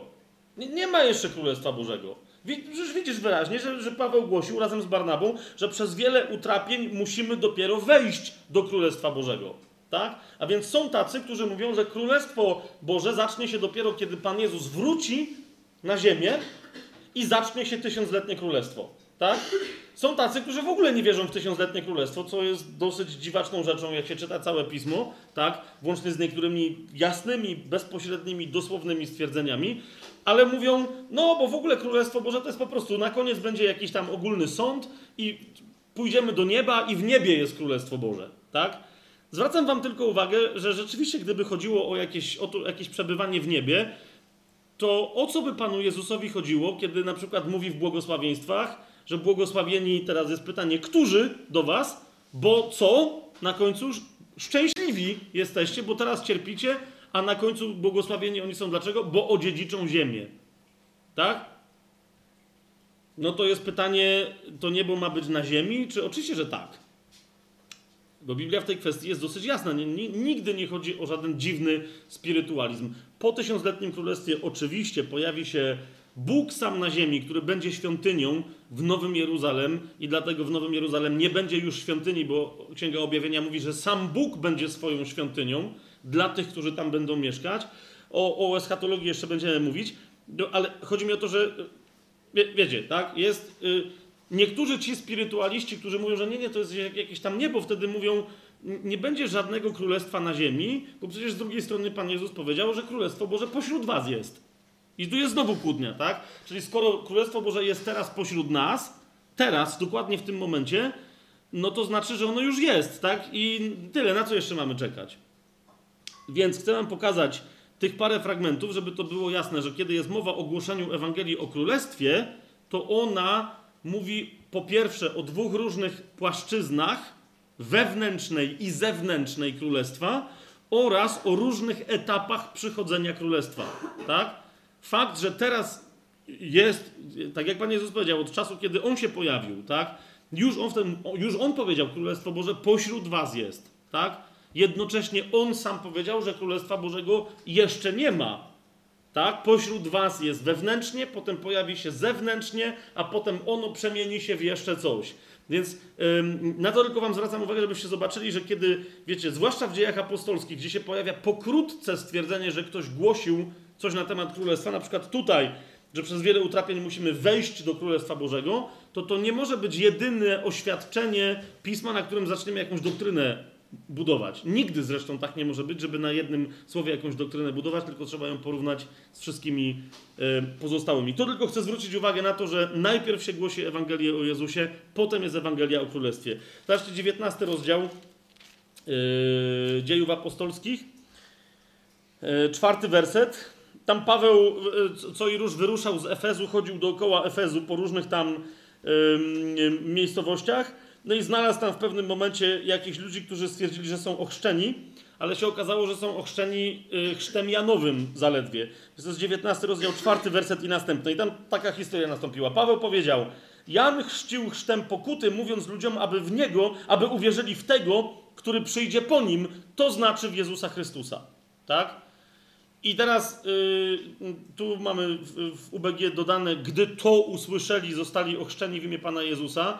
E, to, to jest trochę według mnie mylące to to, bo nie, z tego te, w tym tekście jest powiedziane, kiedy usłyszeli, zostali ochrzczeni w imię Pana Jezusa Chrystusa. Powinno tutaj być według mnie, jeżeli coś ma być dodane, kiedy usłyszeli wszystko na ten temat, tak? Zostali ochrzczeni w imię Pana Jezusa, bo trudno, żeby oni, y, nie wiedząc, co jest grane y, z Jezusem Chrystusem, po takim jednym zdaniu, żeby od razu się chrzcili, tak? Ale Mniejszało to teraz. Idzie mi tylko o to, że Paweł, zauważcie, tym, którzy byli ochrzczeni w imię Jezusa, znali tem, w imię Jana, e, w chrztem Janowym, e, głosi im, znającym pokutę, głosi im wiarę, darmowe zbawienie w Jezusie Chrystusie. Oni się wobec tego chrzczą, a kiedy Paweł położył na nich ręce, czytamy dalej, stąpił na nich Duch Święty i mówili językami i prorokowali, wszystkich mężczyzn było około 12.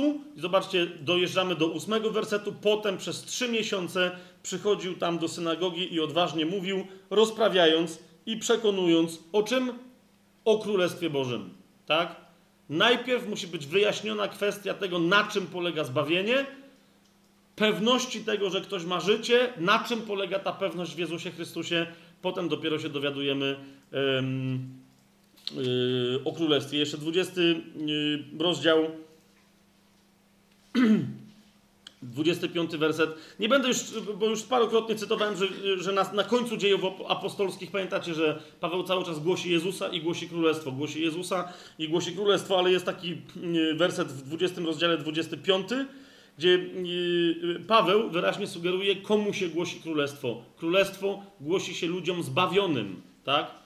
Dlaczego to powtarzam, jeszcze, jeszcze raz dodam? Bo widzicie, my często mamy dzisiaj po różnych zborach, po kościele, no w kościele na przykład rzymskokatolickim to jest notoryczne, tak? Najważniejszą yy, częścią Pisma Świętego, które jest czytane, zwłaszcza w niedzielę, no ale na każdej, wiecie, mszy świętej, jest co? Ewangelia, tak?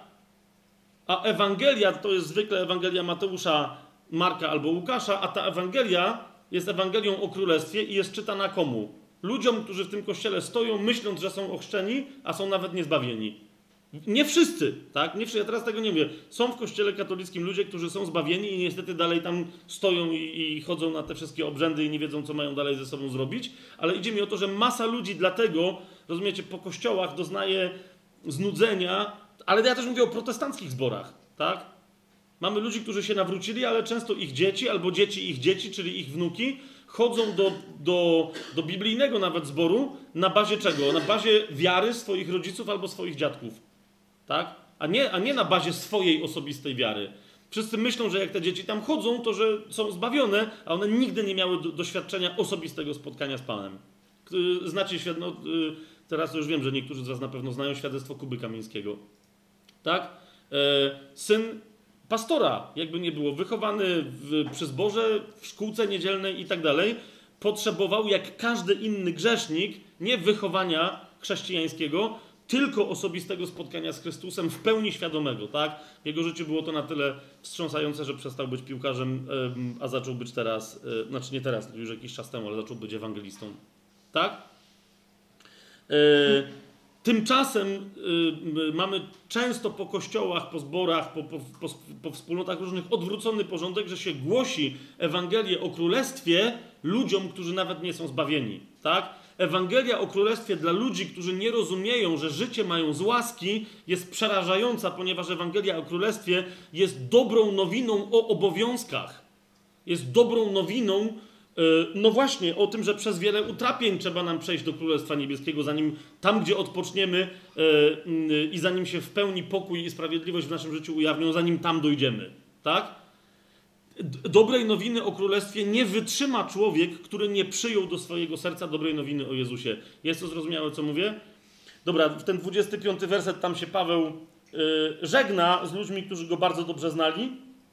Yy, I teraz zobaczcie, to jest 20 rozdział dziejów apostolskich, 25 werset. Tam mówi: Teraz wiem, że wy wszyscy, wśród których przebywałem, głosząc Królestwo Boże, już więcej nie zobaczycie mojej twarzy. Tak? Ale widzicie, E, przebywając wśród ludzi, którzy przyjęli dobrą nowinę o Jezusie, bo to jest kolejna rzecz, że my czasem po 500 razy głosimy dobrą nowinę o Jezusie znowu z drugiej strony, którzy już ją dawno przyjęli, tak? I w kółko się zajmują swoim zbawieniem, zamiast się wreszcie zacząć zajmować życiem królestwa i mocą wynikającą i władzą wynikającą z królestwa. Zamiast się zacząć zajmować yy, w imieniu Pana Jezusa Chrystusa, bo na tym teraz polega ten etap królestwa, zamiast się zacząć zajmować niszczeniem dzieł diabła, tak jak on to czynił, a nawet jeszcze bardziej, to zamiast tego cały czas rozważają kwestię swojego zbawienia i po niektórzy kilka czy kilkanaście razy po, po kolejnym wezwaniu ewangelisty jeszcze raz wychodzą, żeby przyjąć zbawienie, mimo że są już dawno zbawieni. Tak? Bo, bo, bo jeszcze tam nie są nie są, nie są czegoś do końca pewni. Teraz, teraz, jaką mamy pewność, że Ewangelie są, bo, bo yy, jak postawiłem wcześniej tezę, tak ją teraz tylko potwierdzam, jeżeli jesteś osobą zbawioną, jeżeli znasz dobrą nowinę o Jezusie, przez dobrą nowinę o Jezusie e, zostałeś czy zostałaś doprowadzony, doprowadzona do oddania swojego życia Jezusowi, a wzięcia w siebie Jego życia przez to, że On za Ciebie umarł na krzyżu i dla Ciebie na potwierdzenie, na, na potwierdzenie przyjęcia tej ofiary Ojciec wskrzesił Go z martwych i żyje, jeżeli ta dobra nowina jest przez Ciebie przyjęta, gdzie masz szukać informacji na temat Królestwa? Jeszcze raz to powtórzę, w Ewangeliach. Dopiero wtedy Ewangelii Mateusza, Ewangelii Marka, Ewangelii Łukasza, a następnie we wszystkich pismach apostolskich, włącznie z Księgą Objawienia. Czyli w całej reszcie najmniej znajdziesz, jeszcze raz powtarzam, informacji o Królestwie właśnie w dziejach apostolskich. Tak? Wiele ciekawych informacji w Ewangelii Jana. Ale jeszcze raz, te Ewangelie, które wprost podkreślają, że są Ewangeliami o Królestwie i że ją demonstrują, to są Ewangelie Mateusza, Marka i Łukasza najpierw. Otwórzcie sobie Ewangelię Mateusza. Chcę, żebyśmy to najpierw to zobaczyli, tak? I znów, e, jeżeli niektórzy z Was znają dobrze ten temat, wybaczcie mi, niemniej chciałbym uniknąć na każdym, bo my wiecie, że mówimy teraz, yy, wiecie, w obliczu całego dzisiejszego chrześcijaństwa, także polskiego. Mówimy o, o, o rzeczach, z których już niektórzy dawno porobili sobie doktryny, za które są gotowi życia nie oddać, ale innym gardło poderżnąć. Dziwne. Wie, wiecie o czym mówię. Tak? Dlatego każdą z tych tez, jaką stawiamy, chciałbym, żeby ona była w, w miarę szeroko Słowem Bożym obroniona. Tak? Ewangelia Mateusza, czwarty rozdział, 23 werset, zobaczcie. Co jest o, oczywiście w Ewangelii Mateusza o tym, że Jezus głosił królestwo, to od początku, ale dobra, nie będziemy teraz tego rozważać, tylko tu mamy wprost, wprost powiedziane, Ewangelia Mateusza, 4 rozdział, 23 werset, obchodził Jezus całą Galileę, nauczając w ich synagogach, głosząc co? Ewangelię Królestwa i uzdrawiając wszystkie choroby i wszelkie dolegliwości wśród ludzi. Nawiasem mówiąc, kochani, e, e, ponieważ tu jesteśmy e, w, w, większości przynajmniej na tym spotkaniu chrześcijanami, którzy w taki czy inny sposób są chrześcijanami charyzmatycznymi, tak zwanymi w cudzym słowie, tak? Wierzymy w działanie Ducha Świętego, wierzymy w dary duchowe, tak? Yy, chcę tylko zwrócić uwagę na jedną rzecz. Że jak, w jak wielu miejscach yy, w piśmie, gdzie jest mowa o Ewangelii Królestwa, jest jednocześnie mowa o znakach i o cudach. O, o znakach i cudach typu rozmnożenie, yy, typu rozmnożenie jedzenia dla ludzi, zamiany wody w wino, E, i o znakach i cudach związanych z uwolnieniami, z uzdrowieniami ludzi. Zobaczcie, tutaj to jest jeden z takich e, fragmentów. Głosząc Ewangelię Królestwa i uzdrawiając wszystkie choroby i wszelkie dolegliwości wśród ludzi. Widzicie to? Stawiam na razie tylko taką tezę na boku, kiedyś do, do, tego dotrzemy, ale jeżeli niektórzy z Was chcieliby to mocniej postudiować, albo nie, nawet nie tyle studiować, co zacząć się modlić na ten temat, nawet nie wiem, czy tezę, ale pytanie takie stawiam. Czy aby czasem to, że dzisiaj nie widzimy tylu znaków i cudów, mimo że bardzo byśmy chcieli je widzieć, a widzimy ich naprawdę niewiele wobec tego, ile byśmy chcieli widzieć, zgodzicie się ze mną, tak? Czy nie wynika z tego, że nie głosimy pełnej Ewangelii o Królestwie? Zamiast głosić i żyć pełną Ewangelią Królestwa, głosimy jakieś inne historie i być może dlatego Bóg na tyle tylko przyznaje się do nas, do tego słowa, które głosimy, na ile my głosimy rzeczywiście królestwo. Tak? Zaraz będziemy jeszcze, no dobra, ale to co w takim razie mamy głosić? Dobra, powoli, powoli, powoli. Najpierw zobaczmy, zobaczmy to w pełni i do końca. Spójrzcie, Mateusza 9 rozdział. Yy, w pewnym sensie trochę, yy, trochę na potwierdzenie tej tezy. Zobaczcie, to jest ta sama yy, Ewangelia, z jakiegoś powodu Mateusz za, za konieczne uważa, jeszcze raz podkreślenie, i obchodził Jezus wszystkie miasta i wioski, nauczając w ich synagogach i głosząc znowu co? Ewangelię Królestwa. I zobaczcie, zdanie się nie kończy. Głosząc Ewangelię Królestwa, uzdrawiając wszystkie choroby i wszelkie słabości wśród ludzi. Widzicie to? Ym... Okej, okay, to, to jest to, że Jezus. Teraz widzicie, chodzi mi o to, że to są takie sformułowania, gdzie jest powiedziane, że Jezus głosił Ewangelię Królestwa. Ale chciałbym, żebyście zobaczyli, w jak wielu miejscach, na przykład, ile przypowieści w Ewangelii Mateusza, Marka, Łukasza zaczyna się od jakiego sformułowania? Podobne jest królestwo do, tak? Większość przypowieści, jakie Jezus opowiada, to nie są przypowieści o nim, o ojcu, o... są też takie, tak? Ale większość przypowieści odnosi się do tego, jakie jest królestwo. Jakie będą etapy pojawiania się królestwa, od czego się zaczyna, na czym się skończy, jakie królestwo nastanie, kiedy Jezus powróci i tak dalej, i tak dalej. Większość przypowieści to są przypowieści na temat dynamiki królestwa, a nie na temat, wiecie, jakichś prawideł duchowych, jak niektórzy te przypowieści tłumaczą, na temat jakichś tam innych historii prawie wszystkie przypowieści w, w, taki czy inny sposób odwołują się do różnych aspektów królestwa, a w większości z nich Jezus mówi wprost, że są nauczaniem na temat królestwa. Ale y, wiecie co, cofnijmy się do szóstego y, rozdziału Mateusza, bo tam wam chcę coś pokazać. Y, bo tam widziałem, że ktoś tam miał minę taką trochę zdziwioną, jak powiedziałem o tym, że że błogosławieni odziedziczą ziemię i że królestwo jest ostatecznie związane z ziemią. Spójrzcie sobie na, na, na wszystkie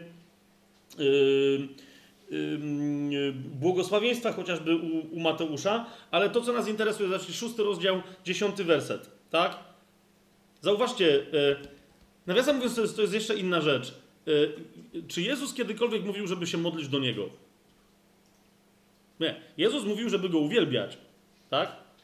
Ale zauważcie, Jezus zawsze mówił, żeby modlić się do kogo? Do Ojca przez Niego. Jest kolejny z, z, interesujących aspektów, jak ludzie, którzy się zatrzymali na poziomie dobrej nowiny o Jezusie i że się zatrzymali, to ja też mówię, wiecie, żeby, żeby przetestować także nasze modlitwy, tak? Ale uwielbienia w naszych społecznościach różnych, w kościołach i tak dalej. Ile z tego uwielbienia jest skierowane e, do Ojca, a bo, bo no pamiętacie w Ewangelii, o czym mówi Jezus Samarytance, gdzie się objawia jako Mesjasz? Że przyjdzie taki moment, że wszyscy będą czcili mnie? Nie, powiedział, że ojciec chce mieć czcicieli w duchu i prawdzie i nie będzie czczony ani tu, ani tam, tak? Ale prawdziwi czciciele będą jego czcić w duchu i w prawdzie, tak? Ile jest uwielbienia dzisiaj skierowanego do ojca? W, w, ostatnich uwielbieniach śpiewanych, tańczonych, mówionych, krzyczanych, jak pamiętacie, ile było, że ile, ile razy zwracaliście się do Ojca, a ile razy to był Jezus, tak? Tak, Jezus jest jedynym pośrednikiem między nami i Ojcem, ale jakiego rodzaju pośrednikiem? Sam powiedział wyraźnie: Ja jestem bramą dla owiec. Przez Jezusa się przechodzi do Ojca. List do Hebrajczyków. Przez Jego rozdartą bramę Jego ciała, tak? Mamy prze, śmiały przystęp do kogo? Do Ojca. Jak go zapytali, Panie, jak mamy się modlić? Ostatnio, jak Reinhard był w Polsce, to mi się bardzo spodobało. Jak powiedział, że niektórzy mówi, że jak przyszli uczniowie do Jezusa, to on im przekazał co? Wszyscy mówią, no modlitwę pańską, tak? Modlitwa pańska to jest co? Ojcze nasz i tak dalej. I on słusznie zauważył, jaka to jest modlitwa pańska. Jezus nie powiedział, że on się tak modli. Chociaż może się tak modli, to jest raz inna rzecz. Ale przekazał jaką? Modlitwę ucznia, a nie modlitwę Pana. A modlitwa ucznia brzmi jak? Jezus powiedział, że jak się mamy modlić? Jezu, który jesteś w niebie? Nie. Ojcze, który jesteś w niebie. I następna rzecz, co jest najważniejsze w tej modlitwie, niech będzie uświęcone czyje imię? Twoje imię. Ojcze, cały czas. Tak? Mamy się modlić do Ojca w imieniu Jezusa Chrystusa. Nie znaczy, że nie mamy się zwracać do Jezusa, nie znaczy, że mamy się zwracać do Ducha Świętego, ale pamiętajcie, cała Biblia wyraźnie pokazuje taki związek miłosny. Jeszcze za chwileczkę więcej sobie tego pokażemy, że modląc się w duchu, do Ducha Świętego, zaczynasz modlić się w Duchu Świętym i zwykle Duch Święty przyprowadza cię do Jezusa. Tak? Albo od razu do Ojca. Ale jeżeli przyprowadza cię do Jezusa, zaczynasz się modlić w Duchu Świętym w imieniu Jezusa Chrystusa i przez Jezusa do kogo? Do Ojca, tak? Duch Święty i Syn prowadzą do Ojca. Jeżeli ktoś się zatrzymał na etapie Ducha Świętego albo na etapie Jezusa i nie ma jeszcze Ojca, to znaczy, że coś jest nie tak właśnie z Ewangelią Królestwa w jego życiu. Królestwo wiąże się z Ojcem. Im więcej Ojca w Twoim życiu, tym bardziej tym, tym, tym, tym, tym większy masz dowód na to, że trwasz w Ewangelii Królestwa, nawet jak jeszcze nie wiesz, że to jest Ewangelia Królestwa, tak? No, więc w tej modlitwie wy tak się modlicie, szósty rozdział, dziewiąty werset. Ojcze nasz, który jesteś w niebie, niech będzie uświęcone Twoje imię. Następna, pierwsza po tym wezwaniu, że niech będzie uświęcone imię, jaka się pojawia prośba? Niech przyjdzie Twoje królestwo. Wraz z przyjściem królestwa, co się ma stać? wraz z przyjściem królestwa? Niech się dzieje Twoja wola na ziemi, tak jak już się dzieje w niebie. Tak? To jest to. Przyjście królestwa ma być realizacją woli Ojca w imieniu Jezusa Chrystusa w mocy Ducha Świętego, gdzie już tutaj na ziemi. Teraz, tak jak teraz to jest możliwe, w przyszłości, tak jak w przyszłości yy, to będzie yy, możliwe. Jeżeli ktoś przyjął Jezusa, od tej pory najważniejszą rzeczą, jaka się dzieje w jego życiu, ponieważ Jezus mówi najpierw. 33 werset tego samego rozdziału. Zobaczcie. Cały czas Ewangelia Mateusza. Cały czas jesteśmy w, królestw, w Ewangelii Królestwa. Szukajcie najpierw Królestwa Bożego i Jego sprawiedliwości, a wszystko będzie wam dodane. Jasne to jest? Są chrześcijanie, którzy mówią, ale ja nie wiem, co to jest królestwo. No to więc właśnie to dlatego otwórz Ewangelię Mateusza, Marka, Łukasza, zostaw już temat zbawiania się.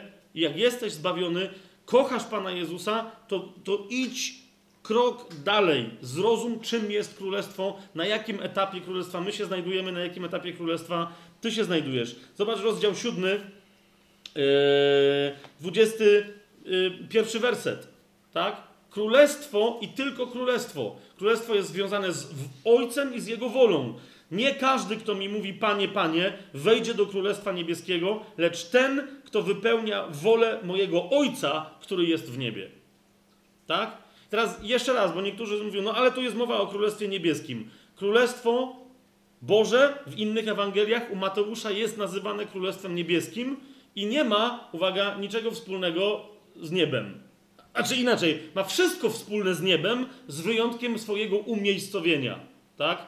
Królestwo niebieskie to jest królestwo, które realizuje wolę Boga na ziemi, tak jak ona jest realizowana w niebie. To jest jasne, o czym mówimy? Dlatego jeszcze raz, Panie, Panie, nie każdy, kto mi mówi Panie, Panie, wejdzie do Królestwa Niebios, ale ten, kto wypełnia wolę mojego Ojca, który jest w niebie.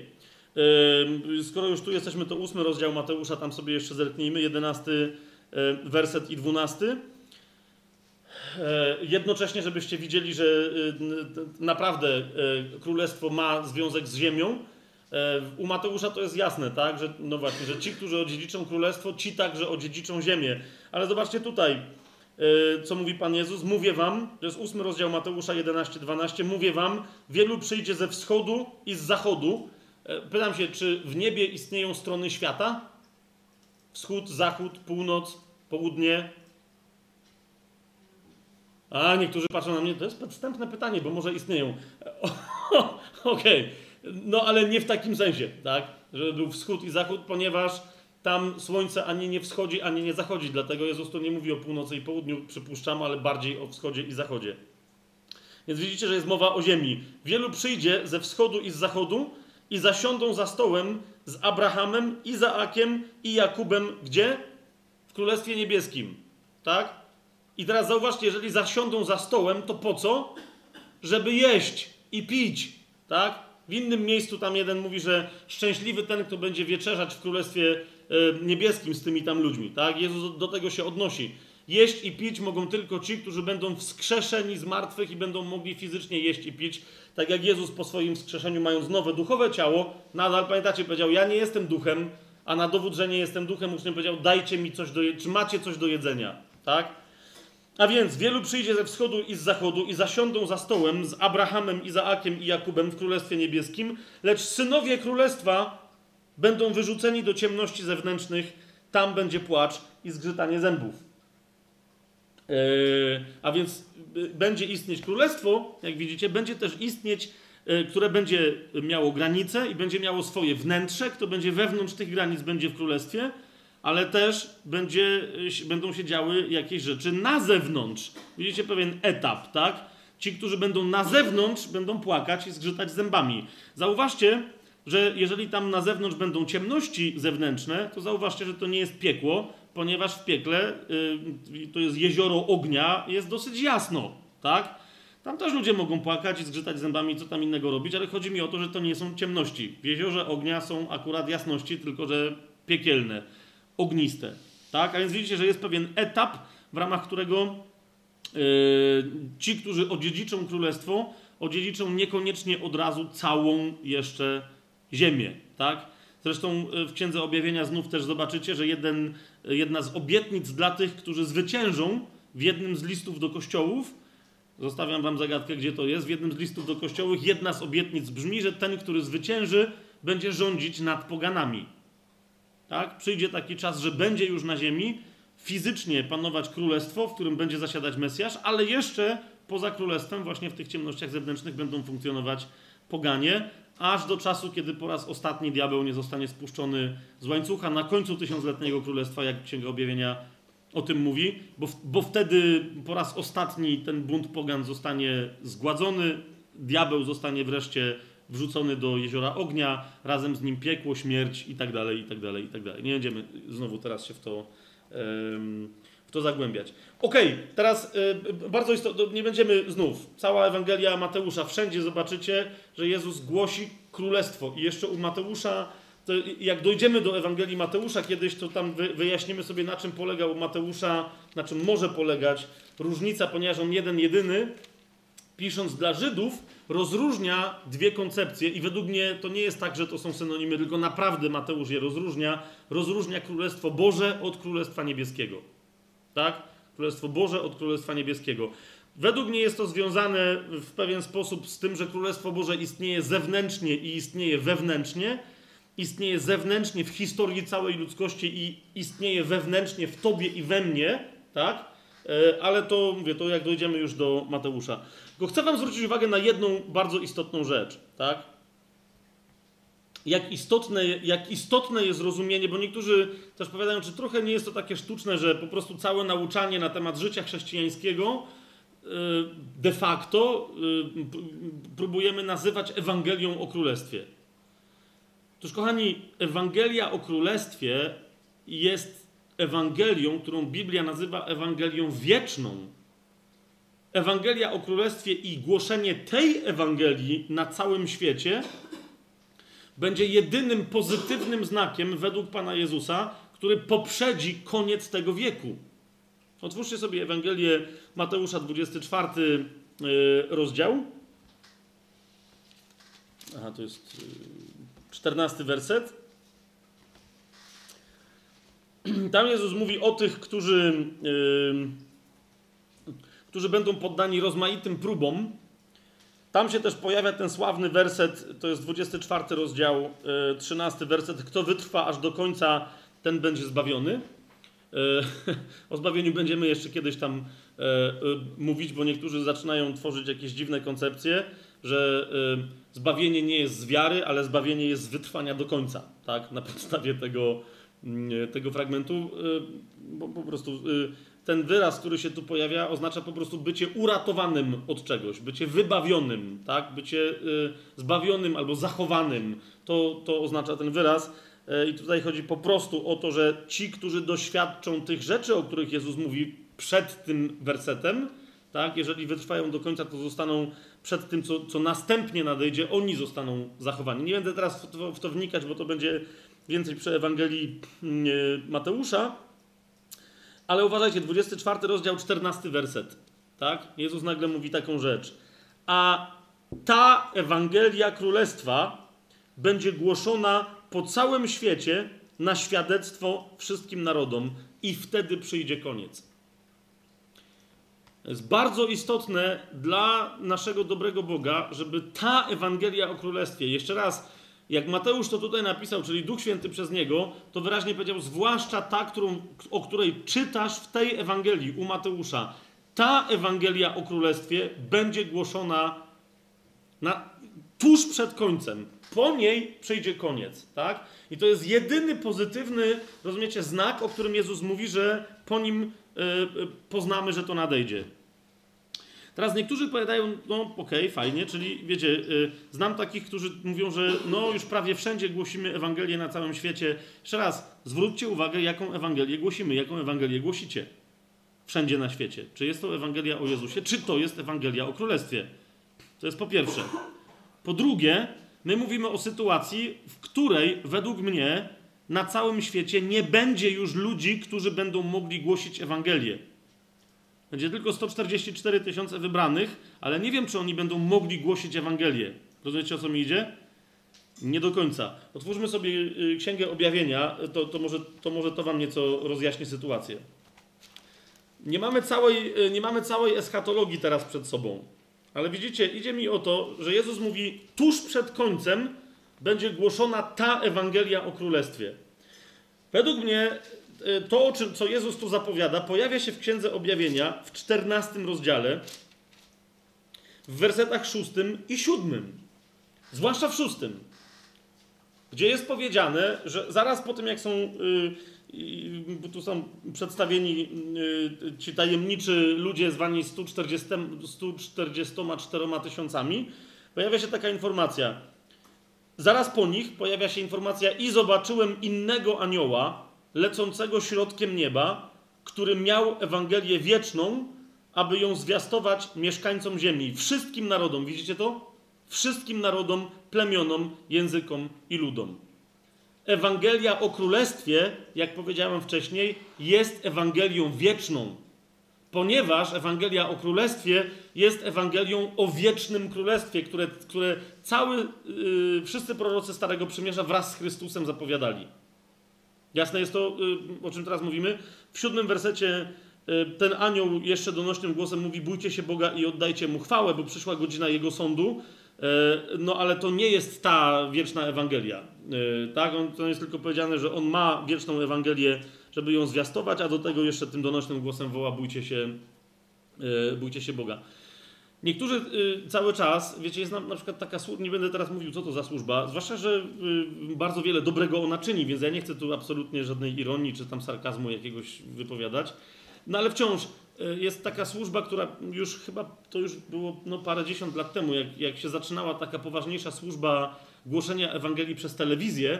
Mm, y, jedna z telewizji takich chrześcijańskich miała możliwość wystrzelenia swojego satelity y, odpowiedzialnego za, za, za, sygnał tej telewizji. Nie wiem dokładnie o co tam chodziło. I oni właśnie w odniesieniu do y, tego 14 rozdziału 6 wersetu uznali, że ten satelita może być tym aniołem, przez który, wiecie, dobra nowina będzie docierać do wszystkich ludzi na Ziemi i dlatego ten satelita został, no teraz jak już powiem, jak został nazwany, to niektórzy będą wiedzieli, co to za telewizja. Ale w każdym razie, ten satelita został nazwany Angel One czyli anioł jeden. tak? jeszcze raz, jeszcze raz, jednak przez działanie tej telewizji i przez działanie no, tego satelity także, głównie była i jest głoszona, i bardzo dobrze, ale głównie była i jest głoszona dobra nowina o Jezusie ku zbawieniu grzeszników, tak? A nie dobra nowina o królestwie, więc na to, y, na to Wam zwracam uwagę. To jest dobra nowina dla już Y, dla już zbawionych. Ewangelię Łukasza sobie szybciutko otwórzmy. Bo tam y, u Marka, no ale to u Łukasza chciałbym, żebyśmy otworzyli, bo, bo Marek wiele z tych tematów królestwa po prostu powtarza po, po Mateuszu, bo jest na czym innym skoncentrowany. Ale u Łukasza pojawiają się dodatkowe wątki. Zauważcie, Łukasz, pierwszy rozdział 32-33 werset, tam gdzie anioł Gabriel Marii, matce Jezusa, zapowiada, kim będzie jej syn jako człowiek i, i, i, i nie jako człowiek. Mówi jej, że Jezus będzie wielki, będzie nazwany synem Najwyższego, a Pan Bóg da mu tron jego ojca, kogo? Dawida, tak? To jest tron, y, o którym całe Stare Przymierze trąbi, że będzie tronem na ziemi. Tak? Jezus królując w niebie, jednocześnie musi królować na ziemi, yy, także przywracając królestwo, yy, królestwo Izraela. Zresztą 33 werset, zobaczcie, mówi wyraźnie: I będzie królować nad domem Jakuba na wieki, a jego królestwu nie będzie końca. Widzicie, Ewangelia o królestwie jest Ewangelią o Królestwie Wiecznym, którego nie będzie końca. Tysiącletnie królestwo, yy, dlatego nazywamy tysiącletnim królestwem, ponieważ jest pewnym początkowym etapem wiecznego królestwa na ziemi, który to etap skończy się po tysiącu latach egzekucją między innymi yy, wykonaną ostatecznie na szatanie, yy, na piekle, na śmierci, tak? Ale to królestwo tysiącletnie, chociaż się skończy, to jest tylko po prostu chodzi o to, że to jest pierwszy tysiącletni etap, tak? Ale królestwo samo w sobie nie upadnie i nigdy się nie skończy. Jest to jasne, o czym mówimy? Yy, dobrze. Zobaczcie Łukasza, czwarty rozdział. Yy, bardzo, yy, bardzo, bardzo interesujący fragment, czwarty rozdział, bo tam słyszeliśmy, że Jezus wszędzie chodził i głosił Ewangelię o Królestwie. A zobaczcie, y, o czym tutaj mówi. Y, Jezus mówi, że to jest jego posłannictwo. To nie jest tylko rodzaj interpretacji, że Mateusz powiedział, że on głosił Ewangelię o Królestwie i niektórzy y, w niektórych debatach tam miałem tak, że niektórzy mówią, ale bo to Mateusz sobie tak zinterpretował. Zobaczcie, co jest napisane u Łukasza, czwarty rozdział, 43 werset. Ale on powiedział do nich, to Jezus powiedział do swoich, do swoich uczniów, Także innym miastom, zobaczcie co mówi, muszę głosić Królestwo Boże, bo po to zostałem posłany. Widzicie to? Jezus sam z siebie jest dobrą nowiną dla grzesznika. Ale wie, że kiedy grzesznik przyjmie to dobrą nowinę, będzie zbawiony i zacznie żyć nowym życiem, to następnie powinien usłyszeć dobrą nowinę, którą on właśnie głosi i po to on był posłany. Nie tylko, żeby być dobrą nowiną dla grzeszników, ale także, żeby dla już zbawionych głosić dobrą nowinę o Królestwie Bożym, bo po to zostałem posłany. No, gdzie, po co jeszcze jakieś bardziej oczywiste yy, oświadczenia, tak?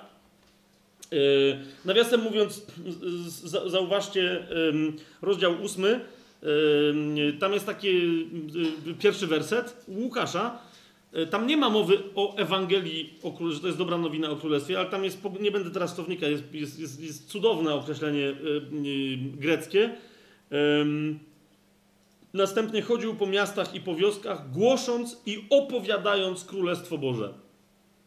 W UBG mamy, widzicie, że Ewangelia jest pochylonym drukiem napisana. W oryginale nie ma, że, że głosił i opowiadał Ewangelię Królestwa Bożego, ale głosił i opowiadam jest, no, kiedyś mam nadzieję, że jeszcze tutaj pięknem tego fragmentu się zajmiemy, ale widzicie, Jezus głosił i opowiadał Królestwo Boże, tak? Nawet nie dobrą nowinę o tym, tylko po prostu królestwo samo w sobie, na czym polega moc, chwała, genialność, życie w Królestwie Bożym. Zobaczcie, y, jak już tu jesteśmy, dziewiąty rozdział.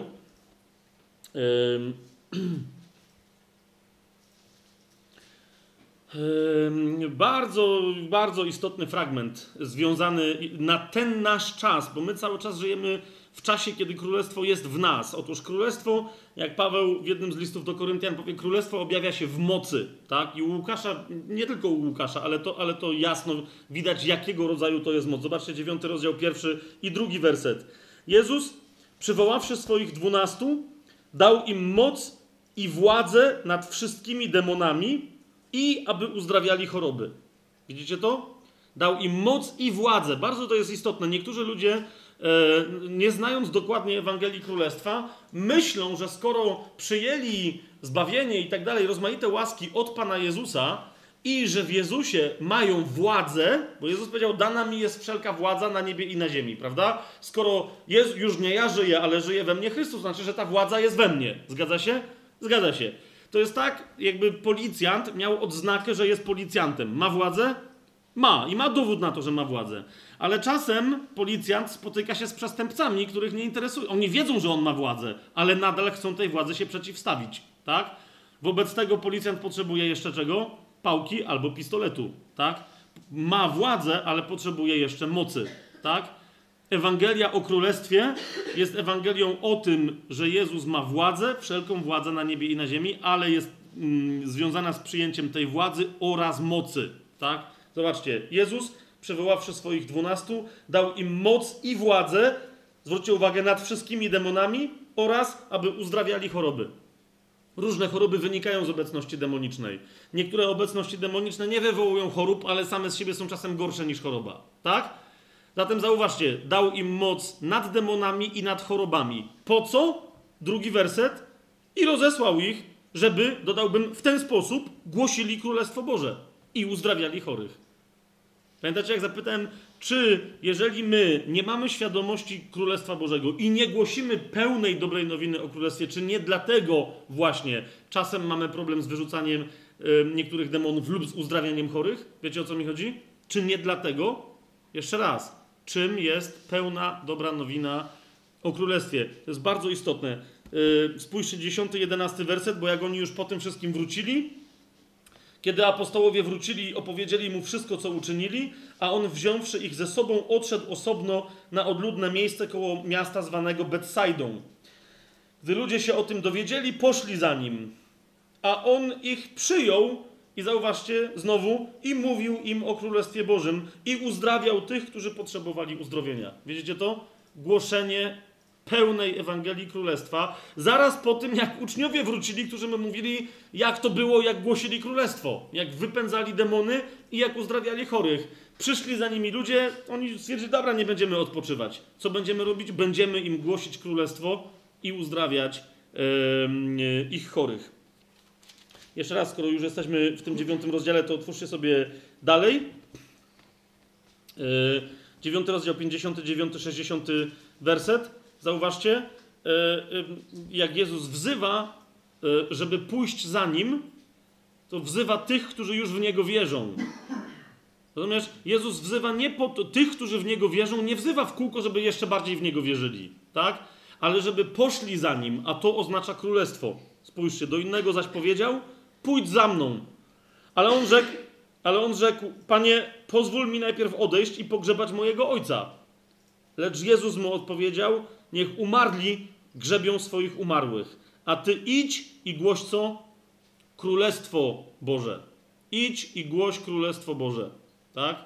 Niech umarli grzebią swoich umarłych. Po prostu. Nie wracaj do tego, co jest sprzed Twojego nawrócenia. Ty już jesteś żywy, a zadaniem żywego jest głosić królestwo. Tak? Innym, yy, innym żywym. I jakbyśmy dalej poczytali, jeszcze inny powiedział: Pójdę za Tobą, Panie, ale pozwól mi najpierw pożegnać. To jest 61 i drugi yy, werset. Pójdę za Tobą, Panie, ale pozwól mi najpierw pożegnać się z tymi, którzy są w moim domu. Jezus mu odpowiedział: Nikt, kto przykłada swoją rękę do pługa, i ogląda się wstecz, nie nadaje się do Królestwa Bożego. Jeżeli Pan stawia kogoś przy, przy pługu, to znaczy, że jest żywy, a nie martwy. Zgodzicie się? To jest ktoś, kto został wskrzeszony z martwych. Jest uczniem, który żyje. A jednak Jezus cały czas powtarza, i potem zauważcie u Pawła w listach to się będzie w kółko powtarzać: to, że żyjecie, to jest jeszcze nic. Baczcie, czy odziedziczycie, czy odziedziczycie królestwo. Tak? Baczcie, czy odziedziczycie królestwo. Szukajcie najpierw królestwa. Wszystko inno, inne będzie wam przydane. Jeszcze tylko jeden fragment y, z Łukasza i to będzie Basta, 12 rozdział. 31 y, werset. Skoro mówimy o tym, że właśnie szukajcie najpierw Królestwa Bożego, tam jest y, u Łukasza bardzo ciekawie ten wątek rozwinięty. Zobaczcie, 31, 32 werset. Jezus w, tej wersji Łukaszowej mówi: Szukajcie raczej Królestwa Bożego. Nie raczej w sensie, że to jest taki wybór, tylko że wobec tych innych rzeczy, których moglibyście szukać. Szukajcie raczej Królestwa Bożego, a to wszystko będzie wam dodane. I zobaczcie 32, genialny werset. Nie bój się, mała trzutko, gdyż upodobało się waszemu Ojcu dać wam królestwo. Kto daje królestwo? Ojciec w imieniu Jezusa Chrystusa i w mocy Ducha Świętego. Wszystko od Niego pochodzi. Ale uwaga, 33 werset i następne są jednymi z bardzo istotnych, gdy idzie o wezwanie i gdy idzie o dobrą nowinę o królestwie. Zobaczcie, sprzedawajcie, co posiadacie, 30 werset i tak dalej. Dla kogo to może być dobra nowina, jeżeli nie przyjął w pełni dobrej nowiny o Jezusie? Rozumiesz? Ktoś myśli, będąc grzesznikiem, że jedynym zabezpieczeniem jego życia są pieniądze. A ty wychodzisz na niego i mówisz: sprzedawaj wszystko. Teraz pytanie jest, dlaczego tak wielu chrześcijan, kiedy słyszę to wezwanie, próbuje je ominąć i mówią: No, ale są też jeszcze inne fragmenty w Piśmie Świętym. Ja wiem, że są inne fragmenty, tak? Tylko pytanie brzmi, czemu się boisz tego w ogóle słyszeć, ten fragment? Jeżeli się boisz słuchać takich fragmentów, to znaczy, że jest coś nie tak w Twoim sercu, jest zasiany jakiś niepokój, albo nie znasz dobrej nowiny, albo znasz ją, ale nie chcesz jej poznawać dalej. A nie ma większego szczęścia, jak żyć według mocy królestwa. Teraz, kochani, twórzmy Ewangelię Mateusza. Coraz bliżej jesteśmy królestwa. Coraz bliżej jesteśmy królestwa. Tylko y, w momencie, kiedy je zaczniemy sobie wyjaśniać, nie chciałbym, żeby się pojawiło takie, wiecie, pojawi się pierwsze, drugie, trzecie wyjaśnienie i znowu ktoś z tego zacznie sobie robić doktrynę, o którą się będzie z kimś tam bił. Bardzo ważne ostrzeżenie. 13 rozdział Ewangelii Mateusza, 11 werset. Y, no, dobra, dziesiąty niech będzie. Y, uczniowie podeszli i zapytali Jezusa, dlaczego mówisz do nich w przypowieściach? A Jezus im odpowiedział, a on odpowiedział im, zobaczcie, jedenasty werset. Wam dano poznać tajemnicę Królestwa Niebieskiego, ale im nie jest dane. Nie będziemy teraz rozważać, dlaczego w tamtej konkretnej sytuacji uczniom było dane, a im nie jest dane, ale zauważcie, na to chcę zwrócić uwagę, że Królestwo Niebieskie ma swoje tajemnice. Tak? I wciąż wielu naszym zadaniem, to, to, bo zauważcie, to, że nam jest dane, bo my jesteśmy uczniami na, tak samo jak, jak, jak ci, którzy byli przy Jezusie, ale to, że nam jest dane poznać, to nie znaczy, że my je poznajemy. Tak? To, to, że Jezus mówi, że wam jest dane poznać, to znaczy wam zostało pozwolone, żebyście weszli na drogę poznania tajemnic Królestwa. Tak? A nie, że została wam wlana wiedza i już wszystkie tajemnice znacie. Bo zresztą po całej Ewangelii Mateusza, Marka i Łukasza widać, że do uczniów kompletnie to nie dociera. Pamiętacie, jak Jezus rozmnożył raz chleby, potem drugi raz rozmnożył chleby, tak? I potem płynęli jakąś łódką i się znowu kapnęli, że nie mają chleba, tak? I Jezus patrzy na to naprawdę z szeroko otwartymi oczami i mówi: Pamiętacie, jak pierwszy raz rozmnożyłem chleby, ile zostało? I oni mówią tyle i tyle. Drugi raz, jak rozmnożyłem, pamiętacie, ile koszów zostało? Oni mówią tyle i tyle. I Jezus patrzy na nich i mówi: No to jeszcze nie rozumiecie? A tam było takie. To mamy coś rozumieć? To. Nie, rozumiemy, Panie Jezu. Oczywiście, że nie rozumieli, tak? Jeszcze nie rozumiecie. Wam jest dane poznać tajemnicę królestwa, ale pamiętajcie, jednym z najcudowniejszych naszych zadań, jako już nowonarodzonych, e, życiem Bożym e, idących chrześcijan, miejmy nadzieję, że, że według ducha idących, jest zgłębianie tajemnic królestwa. Nawet jak sobie pewne rzeczy zaczniemy wyjaśniać, to nadal my wciąż mówimy o, o ogromnej historii, która jest dopiero przed nami, która nie w pełni została, y, została nam y, ujawniona. Dobrze? I teraz, jak już mamy to, znaczy ja to rzucam, wiecie, jako ostrzeżenie, tak? Jako zachętę wam dano poznać tajemnicę Królestwa Niebieskiego, ale im nie jest dane, ale jednocześnie pamiętajcie, to są wciąż tajemnice Królestwa. Jasne? Dobra, teraz co my już wiemy na temat Królestwa? Kochani, Królestwo Boże, i teraz będę podawać yy, pewną. Yy, stworzymy pewnego rodzaju uporządkowanie, a żeby później wiedzieć, co kiedy rozważamy. Ja nie wiem, może, bo ja teraz gadam, ale może później ktoś, nie wiem, stworzy jakąś planszę, czy wiecie, coś takiego, żeby to się pojawiło na tych nagraniach na YouTubie i, i tak dalej. Otóż powiedziałbym, że istnieją dwa nurty królestwa. Tymek kiwa... Nie, nie, nikt, nikt, nie, nie, nikt nie zrobi. Hej! Dla królestwa, nie, nie dla nas, dla królestwa. Otóż powiedziałbym, że istnieją dwa nurty królestwa, tak? I teraz po, y, y, za, za, każdym razem, kiedy będziesz czytać konkretny fragment Biblii, albo my będziemy czytać konkretny fragment Biblii, będziemy mówić o królestwie, pamiętaj, że istnieją dwa nurty, tak? Z mojego punktu widzenia, to, to ktoś może to inaczej, y, wiecie, uporządkować, tak? Ale dla mnie to jest najprostsze. Istnieją dwa nurty i każdy z tych nurtów posiada swoje etapy. Jest, jest to jasne, co mówię? Jeden nurt nazwałbym nurtem zewnętrznym, a drugi nurtem wewnętrznym. A więc, że Królestwo Boże, Królestwo Niebios, mówiąc językiem Mateusza, dzieje się na zewnątrz, ale że Królestwo Boże, i w tym wypadku także według Mateusza Królestwo Boże, dzieje się również wewnątrz. ok? I o tym pamiętajcie, jak na przykład jest przypowieść o tym, że Jezus mówi na, na przykład, mówi przy, w przypowieści, że w pewnym momencie królestwa będzie to tak, jakby, było, jakby były panny młode. Jedne, jak wiemy, głupie, drugie mądre, które czekają na powrót króla, na powrót swojego pana młodego. Tak? to niezależnie od tego, że ten, ta przypowieść mówi o pewnym nastawieniu wewnętrznym naszym w kościele, to jednocześnie, czyli mówi o nurcie wewnętrznym, no bo wtedy pada pytanie, rozumiesz, jeżeli przyjdzie pan młody, co to znaczy mieć odpowiednią ilość oliwy, żeby móc go przyjąć i żeby być przyjętym? Tak? Co to znaczy? Zauważ, tam są wszyscy zbawieni, wszystkie to są panny młode ale różnią się między sobą tym, że jedne mają zapasy oliwy, a drugie nie mają i się o to w ogóle nie troszczą.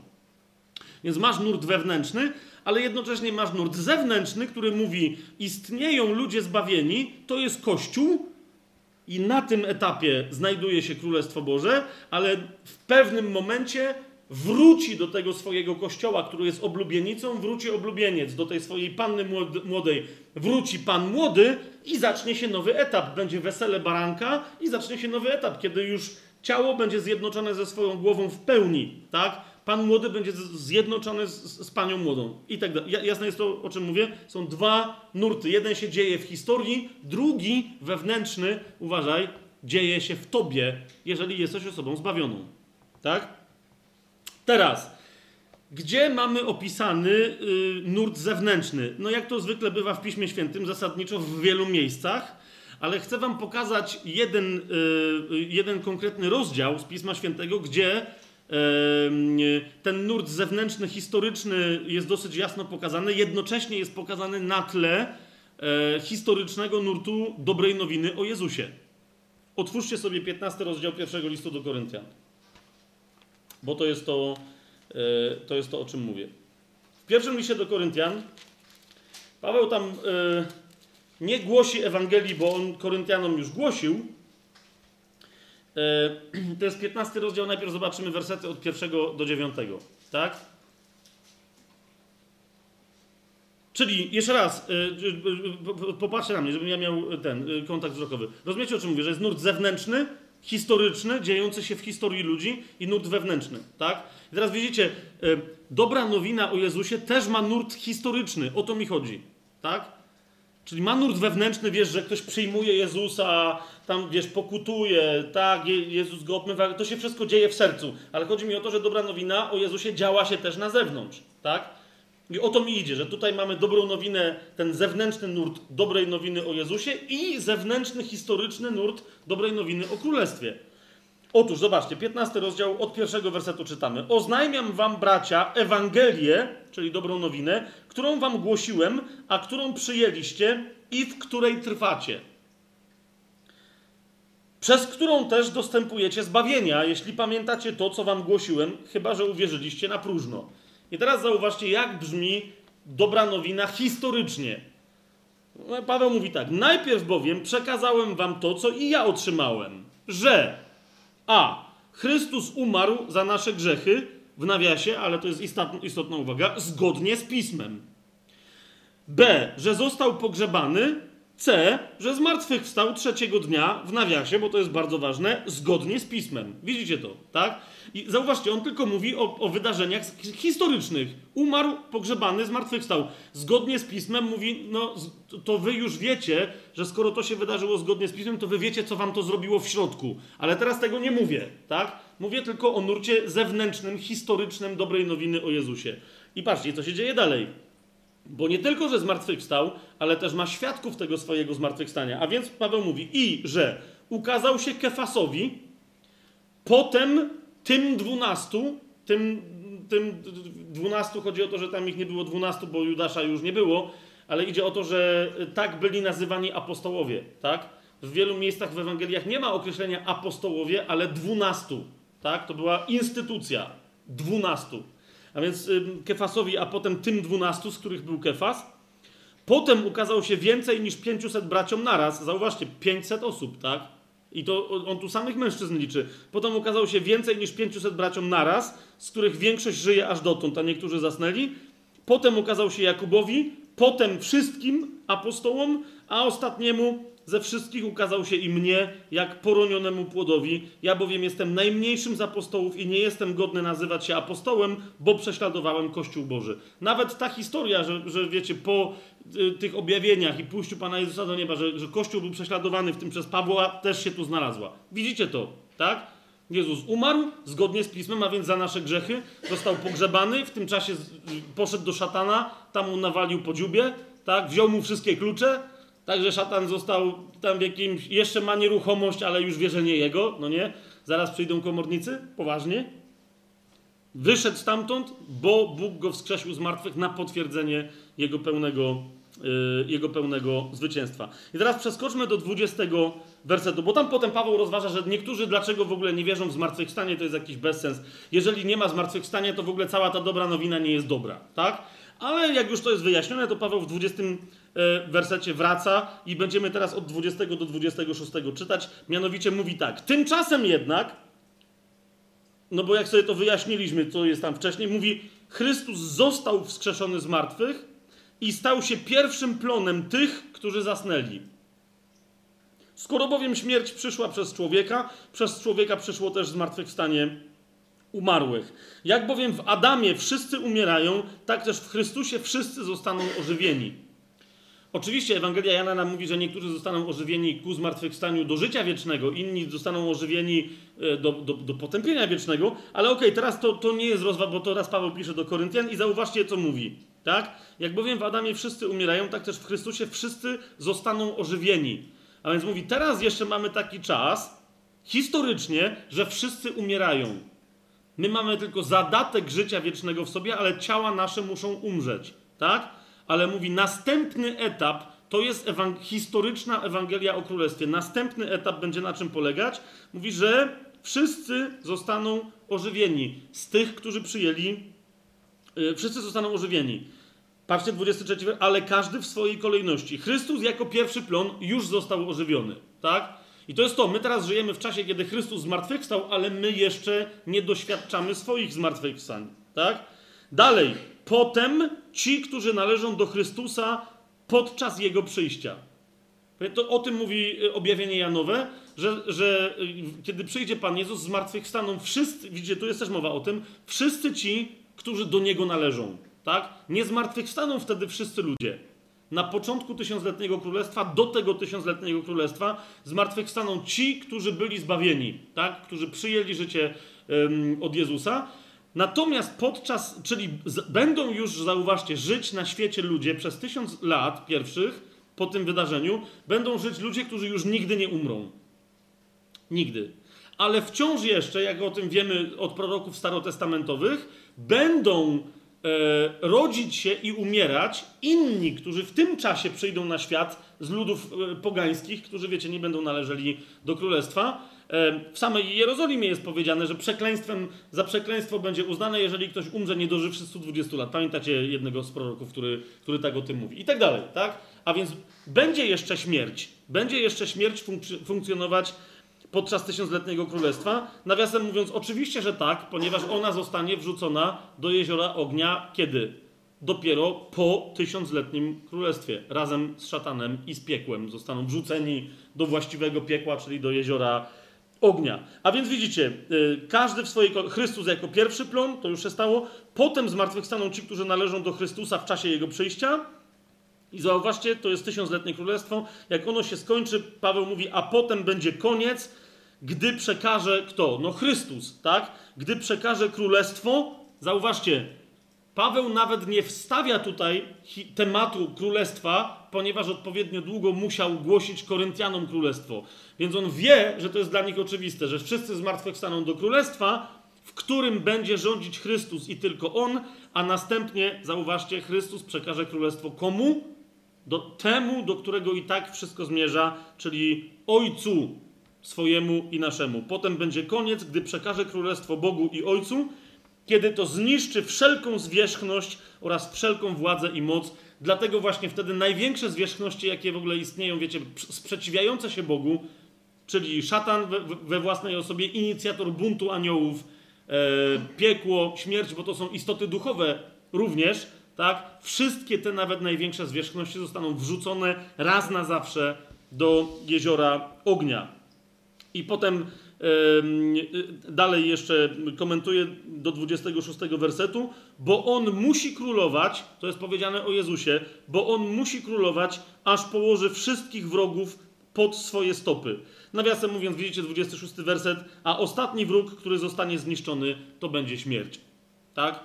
To jest dopiero po tysiącletnim królestwie, ale zauważcie, istnieje jeszcze raz, właśnie to Paweł się nie rozwija tutaj na temat tysiącletniego królestwa, ale ono tu ewidentnie, e, zwłaszcza znając inne fragmenty biblijne, jest widoczne. Zgodzimy się?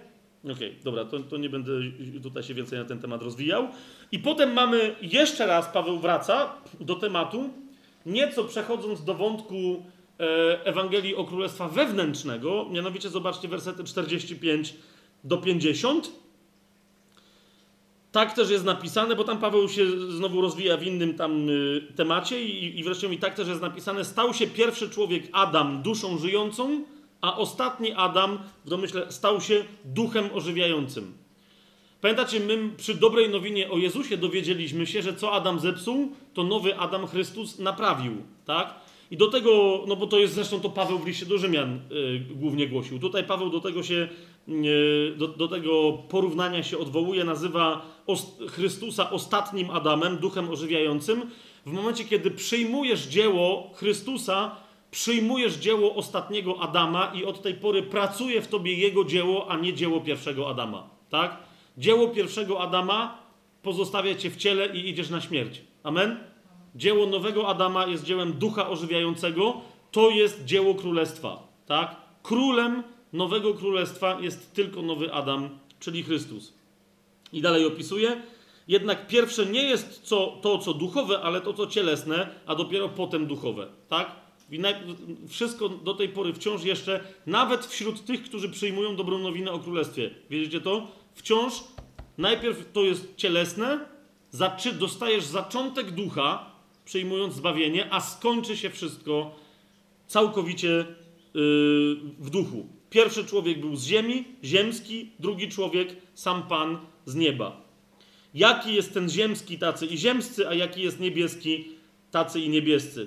A jak nosiliśmy obraz ziemskiego, tak będziemy nosili obraz niebieskiego. To zaś mówię, bracia, zwróćcie uwagę, to zaś mówię, bracia, że ciało i krew nie mogą odziedziczyć Królestwa Bożego, ani to, co zniszczalne, nie odziedziczy tego, co niezniszczalne. Widzicie to? Teraz to jest bardzo istotne, że w całej tej, we wszystkich tych etapach, które tam w tych 21 i, i następ, y, następnych wersetach, na wszystkich tych etapach, które Paweł przedstawił, on mówi wyraźnie o tym, że teraz znajdujemy się w etapie, kiedy tylko Chrystus zmartwychwstał, a my jeszcze mamy ciało i krew, których musimy się pozbyć, aby móc otrzymać żyjące wiecznie ciało duchowe, jak, jak Paweł je tutaj nazywa. Tak? To dla nas się zacznie wtedy, kiedy Chrystus wróci w ciele na ziemię, a my do tego życia w ciele duchowym, takim jakie On ma, wszyscy razem zmartwychwstaniemy. Czy to jest jasne? Halo? Dobra, to otwórzmy sobie pierwsze do Tesaloniczan. Tesaloniczanie mieli problem, y, z jednej strony mieli du duże poznanie czasów ostatecznych, a z drugiej strony mieli problem. Y, tam ktoś do nich pisał jakieś, jakieś rzeczy, w których się podszywał pod Pawła. Wyobraźcie to sobie. Pierwsze do Tesaloniczan chciałbym, żebyście zobaczyli pierwszy rozdział.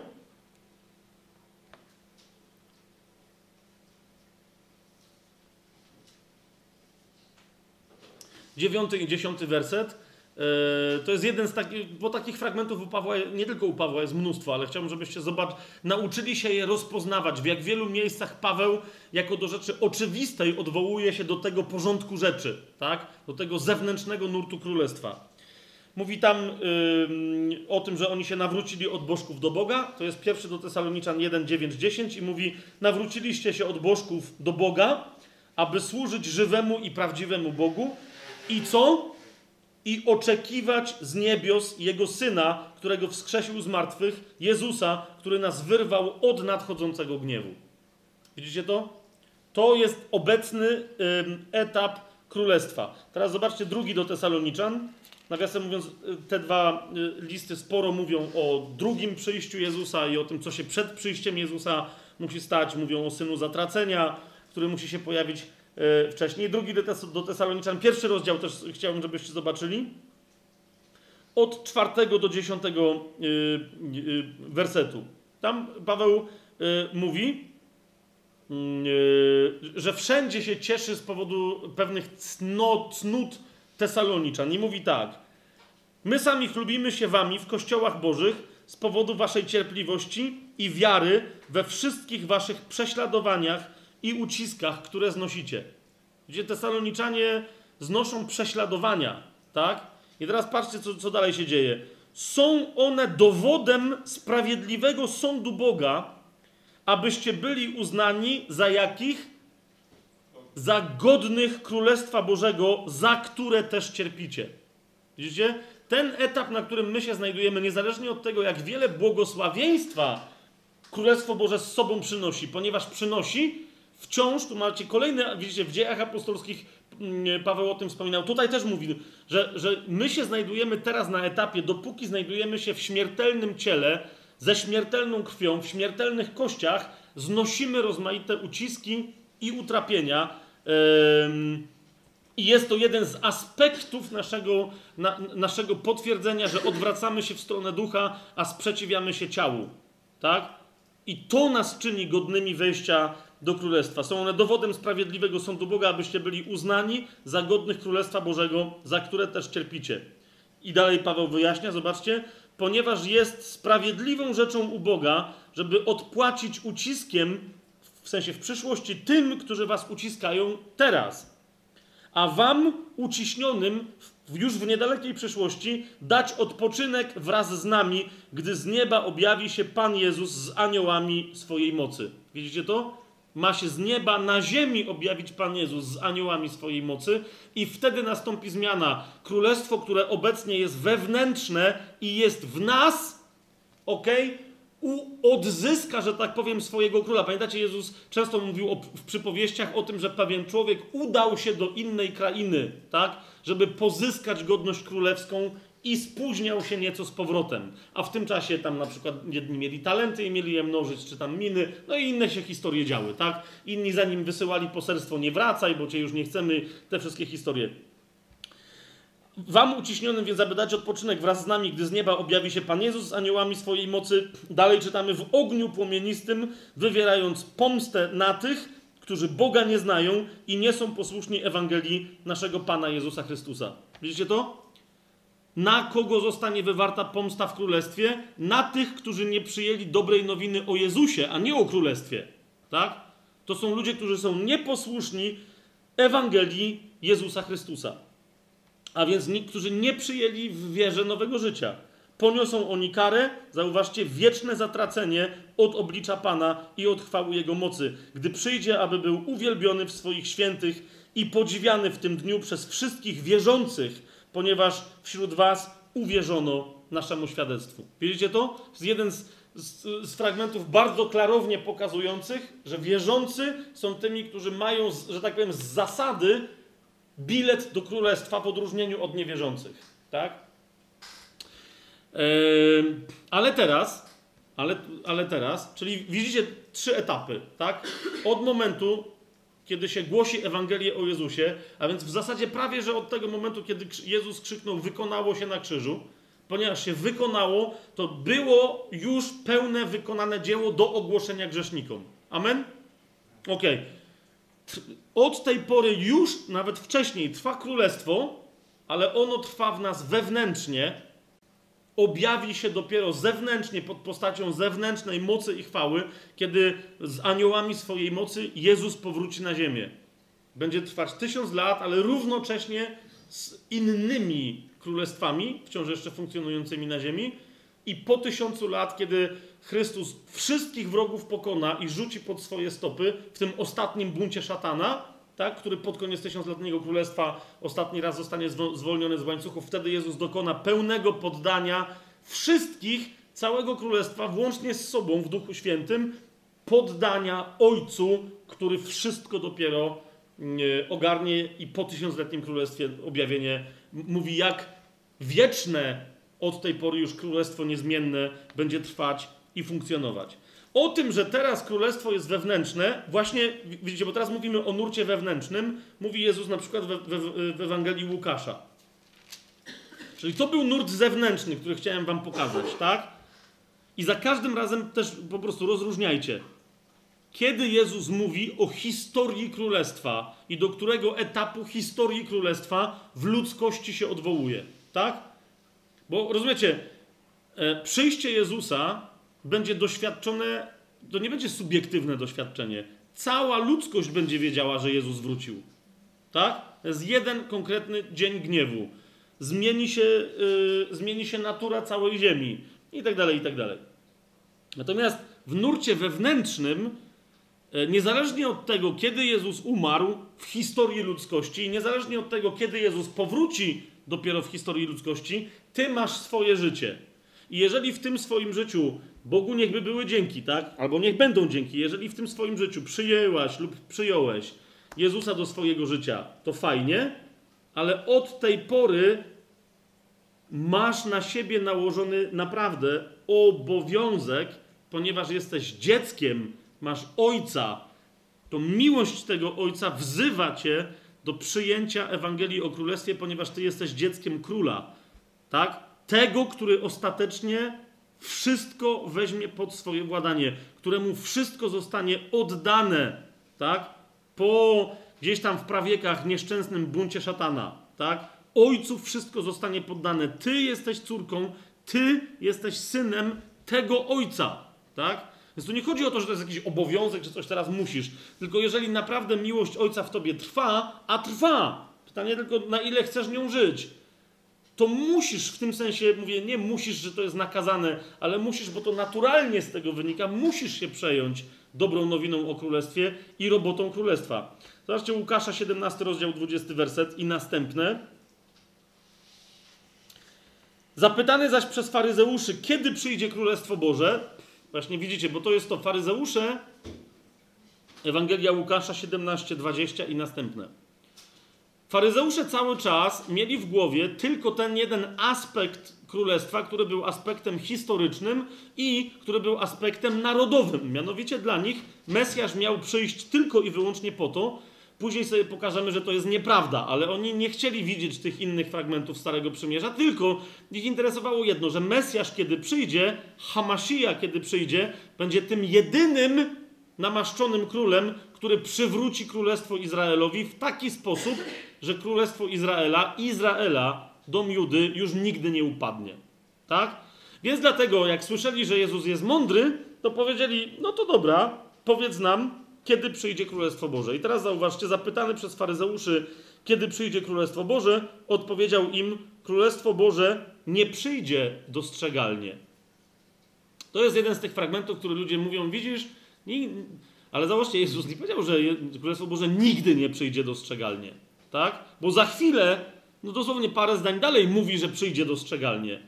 Tylko, że tym gościom, którzy oczekiwali wyłącznie dostrzegalnego przyjścia królestwa, on im tłumaczy, zrozumcie, istnieje wewnętrzny nurt królestwa. To jest coś, czego bardzo potrzebuje, o czym cały czas bardzo potrzebujemy pamiętać. A więc mówi im, Królestwo Boże nie przyjdzie dostrzegalnie i nie powiedzą oto tu albo oto tam jest. Królestwo Boże bowiem jest wewnątrz was. Od tego się zaczyna. Pamiętacie y, przypowieść o tym, że wyszedł siewca i zaczął siać ziarno, zaczął je wrzucać na jakąś tam glebę. Potem Jezus tłumaczy, że to jest co? Że to jest gleba ludzkich serc. Tak? W wielu innych miejscach jest mowa o ziarnie, że Królestwo Boże jest jak małe ziarenko, tak? z którego później wyrasta ogromne drzewo. Pamiętacie to? Na, na, różne sposoby Jezus mówi o tym, że gdyby wasza wiara była jak małe ziarenko, tak? to, to moglibyście i tak dalej, i tak dalej. A więc mówi, Królestwo Boże jest wewnątrz was. I tyle powiedział faryzeuszom. Ale teraz zauważcie, co dodał uczniom. A do uczniów powiedział: Przyjdzie czas, kiedy będziecie pragnęli zobaczyć jeden z dni syna człowieczego, ale nie zobaczycie. Teraz sobie przypomnijcie, co Jezus powiedział Tomaszowi. Mówi: Tomaszu, uwierzyłeś, bo zobaczyłeś. Błogosławieni, którzy co? Uwierzyli, chociaż nie zobaczyli. Tak? Do uczniów powiedział: Przyjdzie czas, kiedy będziecie pragnęli zobaczyć jeden z dni syna człowieczego, ale nie zobaczycie. I powiedzą wam: Oto tu albo oto tam jest. Nie chodźcie tam, ani nie idźcie za nimi. Zauważcie, dlaczego? Jezus odpowiada: Bo jak błyskawica, gdy zabłyśnie, świeci od jednego krańca nieba aż po drugi, tak będzie i z synem człowieczym w jego dniu.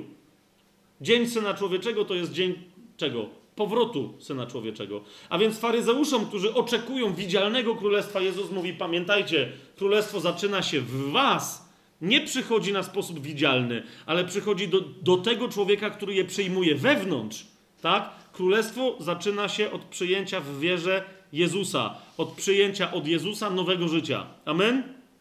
Okej, okay, ale tu, tu się zaczyna, ale potem musi trwać. Więc to mówi faryzeuszom. Ale uczniom, zauważcie, znowu mówi, wy wiecie, że królestwo jest w was. Ale wam przypominam, żyjcie tak, aby być gotowymi, żeby kiedy moje przyjście błyśnie jak błyskawica od jednego do drugiego krańca, wszędzie na ziemi będzie mnie widać, żebyście wy, dla was, żeby to był dzień błogosławiony, tak? Żebyście ze mną wtedy po mojej stronie e, tam stali.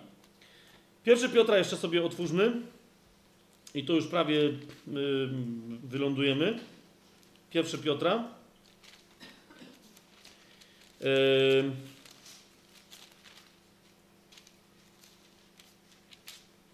pierwszy rozdział. Przeczytajmy sobie wersety od y, trzeciego do dziewiątego. Tam Piotr Zauważcie, to jest Piotr, nie Paweł. A zwróćcie uwagę, trochę inny język, ale jak przez niego duch cały czas te same rzeczy mówi. Piotr powiada tak do całego kościoła: Błogosławiony Bóg i Ojciec naszego Pana Jezusa Chrystusa. Nawiasem mówiąc jeszcze raz, zauważyliście to? Błogosławiony kto? Bóg i Ojciec naszego Pana Jezusa Chrystusa. W imię Jezusa, w Duchu Świętym, zawsze Ci, którzy żyją w królestwie w pełni, są zwróceni wraz z synem i z duchem ku Ojcu. Błogosławiony Bóg i Ojciec naszego Pana Jezusa Chrystusa, który według swojego wielkiego miłosierdzia zrodził nas na nowo. E, to jest właśnie ten fragment, o którym mówiłem na początku, to jest ten fragment, w którym wprost jest mowa o nowym narodzeniu. Tak? Przyjęcie Jezusa w wierze powoduje, że uwaga, Ojciec rodzi nas na nowo z wody i z ducha. Tak? Błogosławiony Bóg i Ojciec naszego Pana Jezusa Chrystusa, który według swojego wielkiego miłosierdzia zrodził nas na nowo do żywej nadziei przez wskrzeszenie Jezusa Chrystusa z martwych. Widzicie to? Dlatego wiara w zmartwychwstanie Jezusa prowadzi do usprawiedliwienia w sercu, wyznawanie zmartwychwstałego ustami prowadzi do pełnego zbawienia. Dalej, ten Bóg co jeszcze zrobił? Nie tylko zrodził nas na nowo, e, znaczy zrodził nas na nowo, nie tylko do żywej nadziei, ale też do dziedzictwa niezniszczalnego i nieskalanego i niewiędnącego, zachowanego w niebie dla was, którzy jesteście strzeżeni mocą Boga przez wiarę ku zbawieniu. Teraz zauważcie, co się dzieje. Ku zbawieniu przygotowanemu dopiero do objawienia się w czasie ostatecznym. Widzicie, Ewangelia o Królestwie to jest ostatni z aspektów, o którym mówię zawczasu, a później będziemy precyzować, o czym jest mowa. Ewangelia o Królestwie jest dowiedzeniem się, że chociaż jesteśmy zbawieni w jakimś jednym aspekcie naszego funkcjonowania w tym wszechświecie, to istnieje jeszcze jakiś rodzaj zbawienia, którego nie dostaniemy, dopóki nie dotrzemy do końca czasów. Czy wy to widzicie? A jak nie widzicie, to czytajmy dalej. A więc jesteście strzeżeni mocą Boga przez wiarę ku zbawieniu. Zauważcie, Paweł mówi, wiarą jesteście co? Łaską jesteście zbawieni, łaską jesteście zbawieni przez wiarę. Jesteście zbawieni. A ten mówi, że przez wiarę ku zbawieniu dopiero przygotowanemu do objawienia się w czasie ostatecznym. Z tego się radujecie, choć teraz na krótko, jeśli trzeba, zasmuceni jesteście z powodu rozmaitych prób, aby doświadczenie waszej wiary, o wiele cenniejszej od zniszczalnego złota, które jednak próbuje się w ogniu, okazało się ku chwale, czci i sławie, kiedy? Przy objawieniu Jezusa Chrystusa. A choć go nie widzieliście, miłujecie i w Niego, choć teraz Go nie, wi- nie widzicie, wierzycie i cieszycie się radością niewysłowioną i pełną chwały, uważajcie, otrzymując koniec Waszej wiary, zbawienie dusz. Zbawienie dusz. Widzicie? E, to jest jeden z tych fragmentów, który powinien nam zadzwonić do, do pobudki, że przyjęcie Jezusa do swojego życia, dobra nowina o Jezusie, jest dobrą now- nowiną o życiu wiecznym, o, o byciu nowonarodzonym, tak? Ale nie jest dobrą nowiną o wybawieniu od wszystkich rzeczy, które mogą nam zagrażać w przyszłości, tak? To jest dobra nowina o uwolnieniu i o zbawieniu od karze wiecznego potępienia, od karze śmierci wiecznej, a więc jest dobrą nowiną o nowym narodzeniu i o darze czego? Życia wiecznego, tak? Teraz jest tylko pytanie, żyjąc wiecznie, gdzie trafisz w ramach tego swojego życia wiecznego, kiedy Pan Jezus powróci w chwale, kiedy skończy się tysiącletnie królestwo, co się będzie z Tobą działo, jak bardzo miłujesz Ojca dzisiaj, jak bardzo ta miłość Ciebie przejmuje. Kiedyś jak o tym żeśmy rozmawiali, ktoś mi powiedział, że no bo Piotr to jest taki bardziej Żyd niż Paweł. Nie, nie wiem skąd się wzięło, że Piotr jest bardziej Żydem niż Paweł. To jest, rozumiecie. Yy, Ten był rybakiem, tamten był faryzeuszem, tak? Ale co? Niektórzy twierdzą, że Paweł był bardziej Żydem niż Piotr. O co chodzi?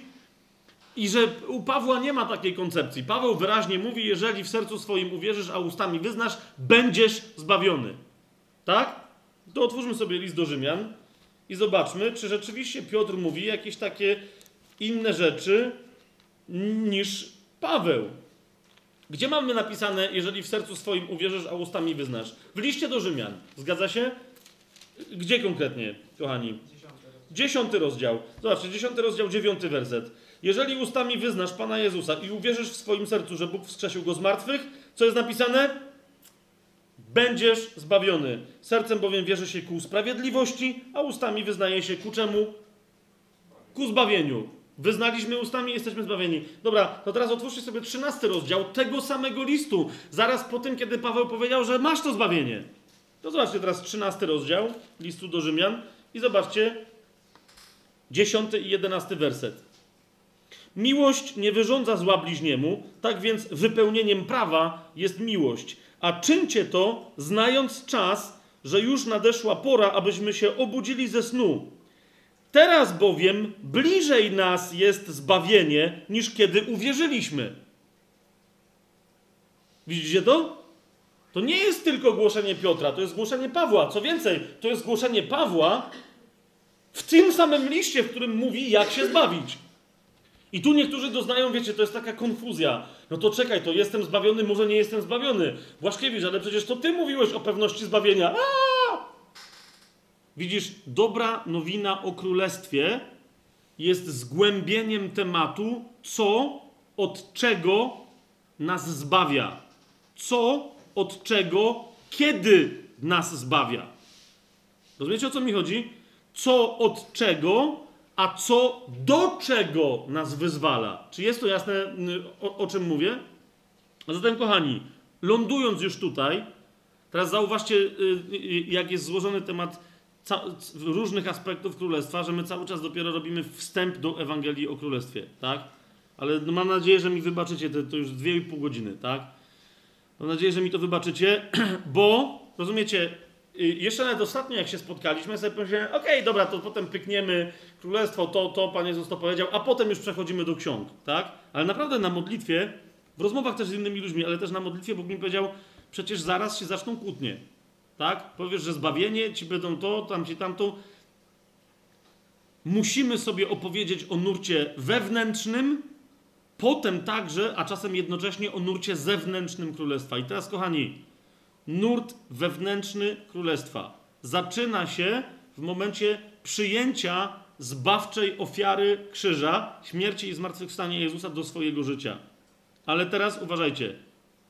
Jeżeli trup przez moc zmartwychwstania Jezusa, przez wiarę w zmartwychwstałego dostaje nowe życie, to musimy sobie wyjaśnić, i to są tematy królestwa, i to zrobimy następnym razem. Tak? Chciałem tego uniknąć i, i mówić o tych tematach przy okazji ksiąg, ale mam nadzieję, że to widzicie, że lepiej jest to uporządkować wcześniej.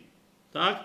A zatem, na następnym naszym spotkaniu będziemy mówić o tym wewnętrznym nurcie królestwa, jakie są jego etapy. Otóż królestwo zaczyna się od tego, że człowiek rodzi się na nowo, a więc ma co? Nowe życie. Tak? To życie jest wieczne, ale teraz jest pytanie, czy to życie wieczne, które dał Bóg, może wziąć.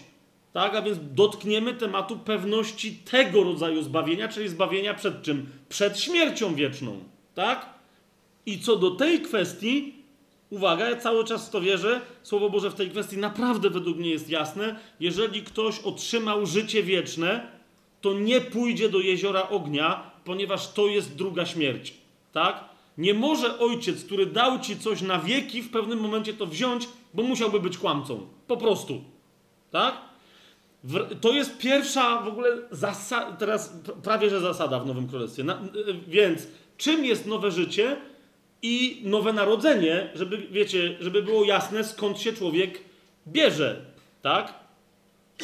Będziemy sobie musieli powiedzieć chyba, czym jest chrzest, bo widzę, że, że jakby nawet nam niektórzy zarzucają, że jakby, czy no w sensie nam, yy, no mnie głównie, tak, że, że głosiłem, czy że głoszę, że, że chrzest zbawia. Jest pewnym etapem na drodze zbawienia, ale zbawieni jesteśmy z czego? Z łaski, przez co? Przez wiarę. Kropka. Tak? Niemniej chrzest uczestniczy w kolejnych wyzwalaniach nas od kolejnych kwestii, tak? A więc czym jest nowe życie, czym jest nowe narodzenie? Okej. Okay. Czym bo teraz zauważcie, skoro coś się narodziło i ma nowe życie, to pojawia się w Biblii koncepcja, i to nie tylko kon, w sensie koncepcja. Paweł mówi, że to jest zasada, pryncypium, tak? rozumiecie, jakby, jakby nowa reguła w świecie fizycznym nawet. Jak ta reguła się nazywa? Nowe stworzenie. Rozumiesz? Mając, będąc nowonarodzonym, nowonarodzoną i mając nowe życie od Boga, jesteś nowym stworzeniem. To nie jest tylko tak, że Bóg cię przywrócił do czegoś starego, dał ci zupełnie nowe życie jako nowemu stworzeniu. Teraz nie jesteś zupełnie jakby, nie wiem, że Bóg, byłaś kobietą, czy byłeś mężczyzną, by, byliście ludźmi, a teraz Bóg cię zamienił w coś nowego i to się nazywa szumburumbu. Tak? To jest nowe stworzenie. Nie. Tym nowym stworzeniem jest nowy człowiek. Ok? Ale który, dopóki nie wróci Pan Jezus i nas, nam nie, nie, nie, nie przemieni nas albo nie wskrzesi nas i, i nie da nam nowych duchowych ciał, no to ten nowy człowiek w nas musi się zmagać ze starym człowiekiem, tak? I to sobie musimy wyjaśnić, co się tutaj dzieje, tak? Na tym etapie tej walki pojawia się chrzest, tak? Ponieważ jak nowe narodzenie, przyjęcie nowego życia, stanie się nowym stworzeniem, jest przyjęciem łaski ku życiu wiecznemu przez wiarę, tak y, y, przez wiarę w co? W zmartwychwstanie i wyznawanie Jezusa jako Pana, tak chrzest jest z czym związany? Z wejściem w śmierć Jezusa i uruchomieniem mocy śmierci w sobie, tak? To jest inny etap na drodze wewnętrznej rozwoju królestwa w tobie. Zostało wrzucone ziarno, ale czy zostało przyjęte? Żeby ziarno zaczęło w tobie działać, musi w tobie obumrzeć, tak? Zanim zacznie przynosić plon. A więc nowe życie związane z nowym narodzeniem, nowe stworzenie, nowy człowiek. Kolejna rzecz. Musimy sobie, choćby i pokrótce, ale wyjaśnić, co było zapowiadane w, w Starym Przymierzu jako nowe przymierze i czym jest nowe przymierze. Jednym z aspektów tego nowego przymierza, chcę nam zwrócić uwagę, jest to, że to jest jedno, jedyne przymierze, którego Bóg nie zawarł z ludzkością.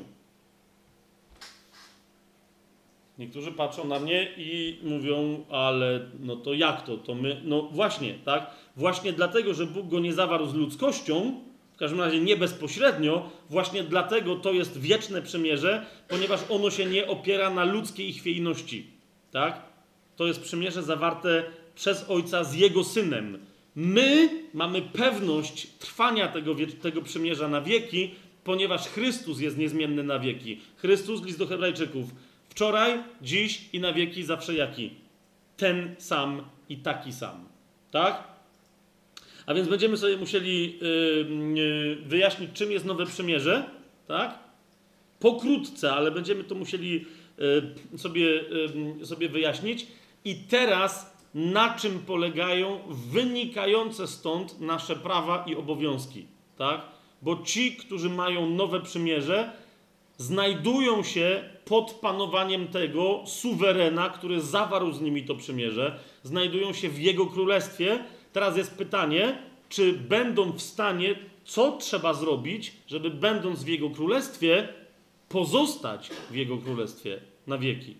Żeby w momencie, kiedy wróci król, rozpoznał nas godnymi czego? Odziedziczenia królestwa, które on z sobą przyniesie fizycznie.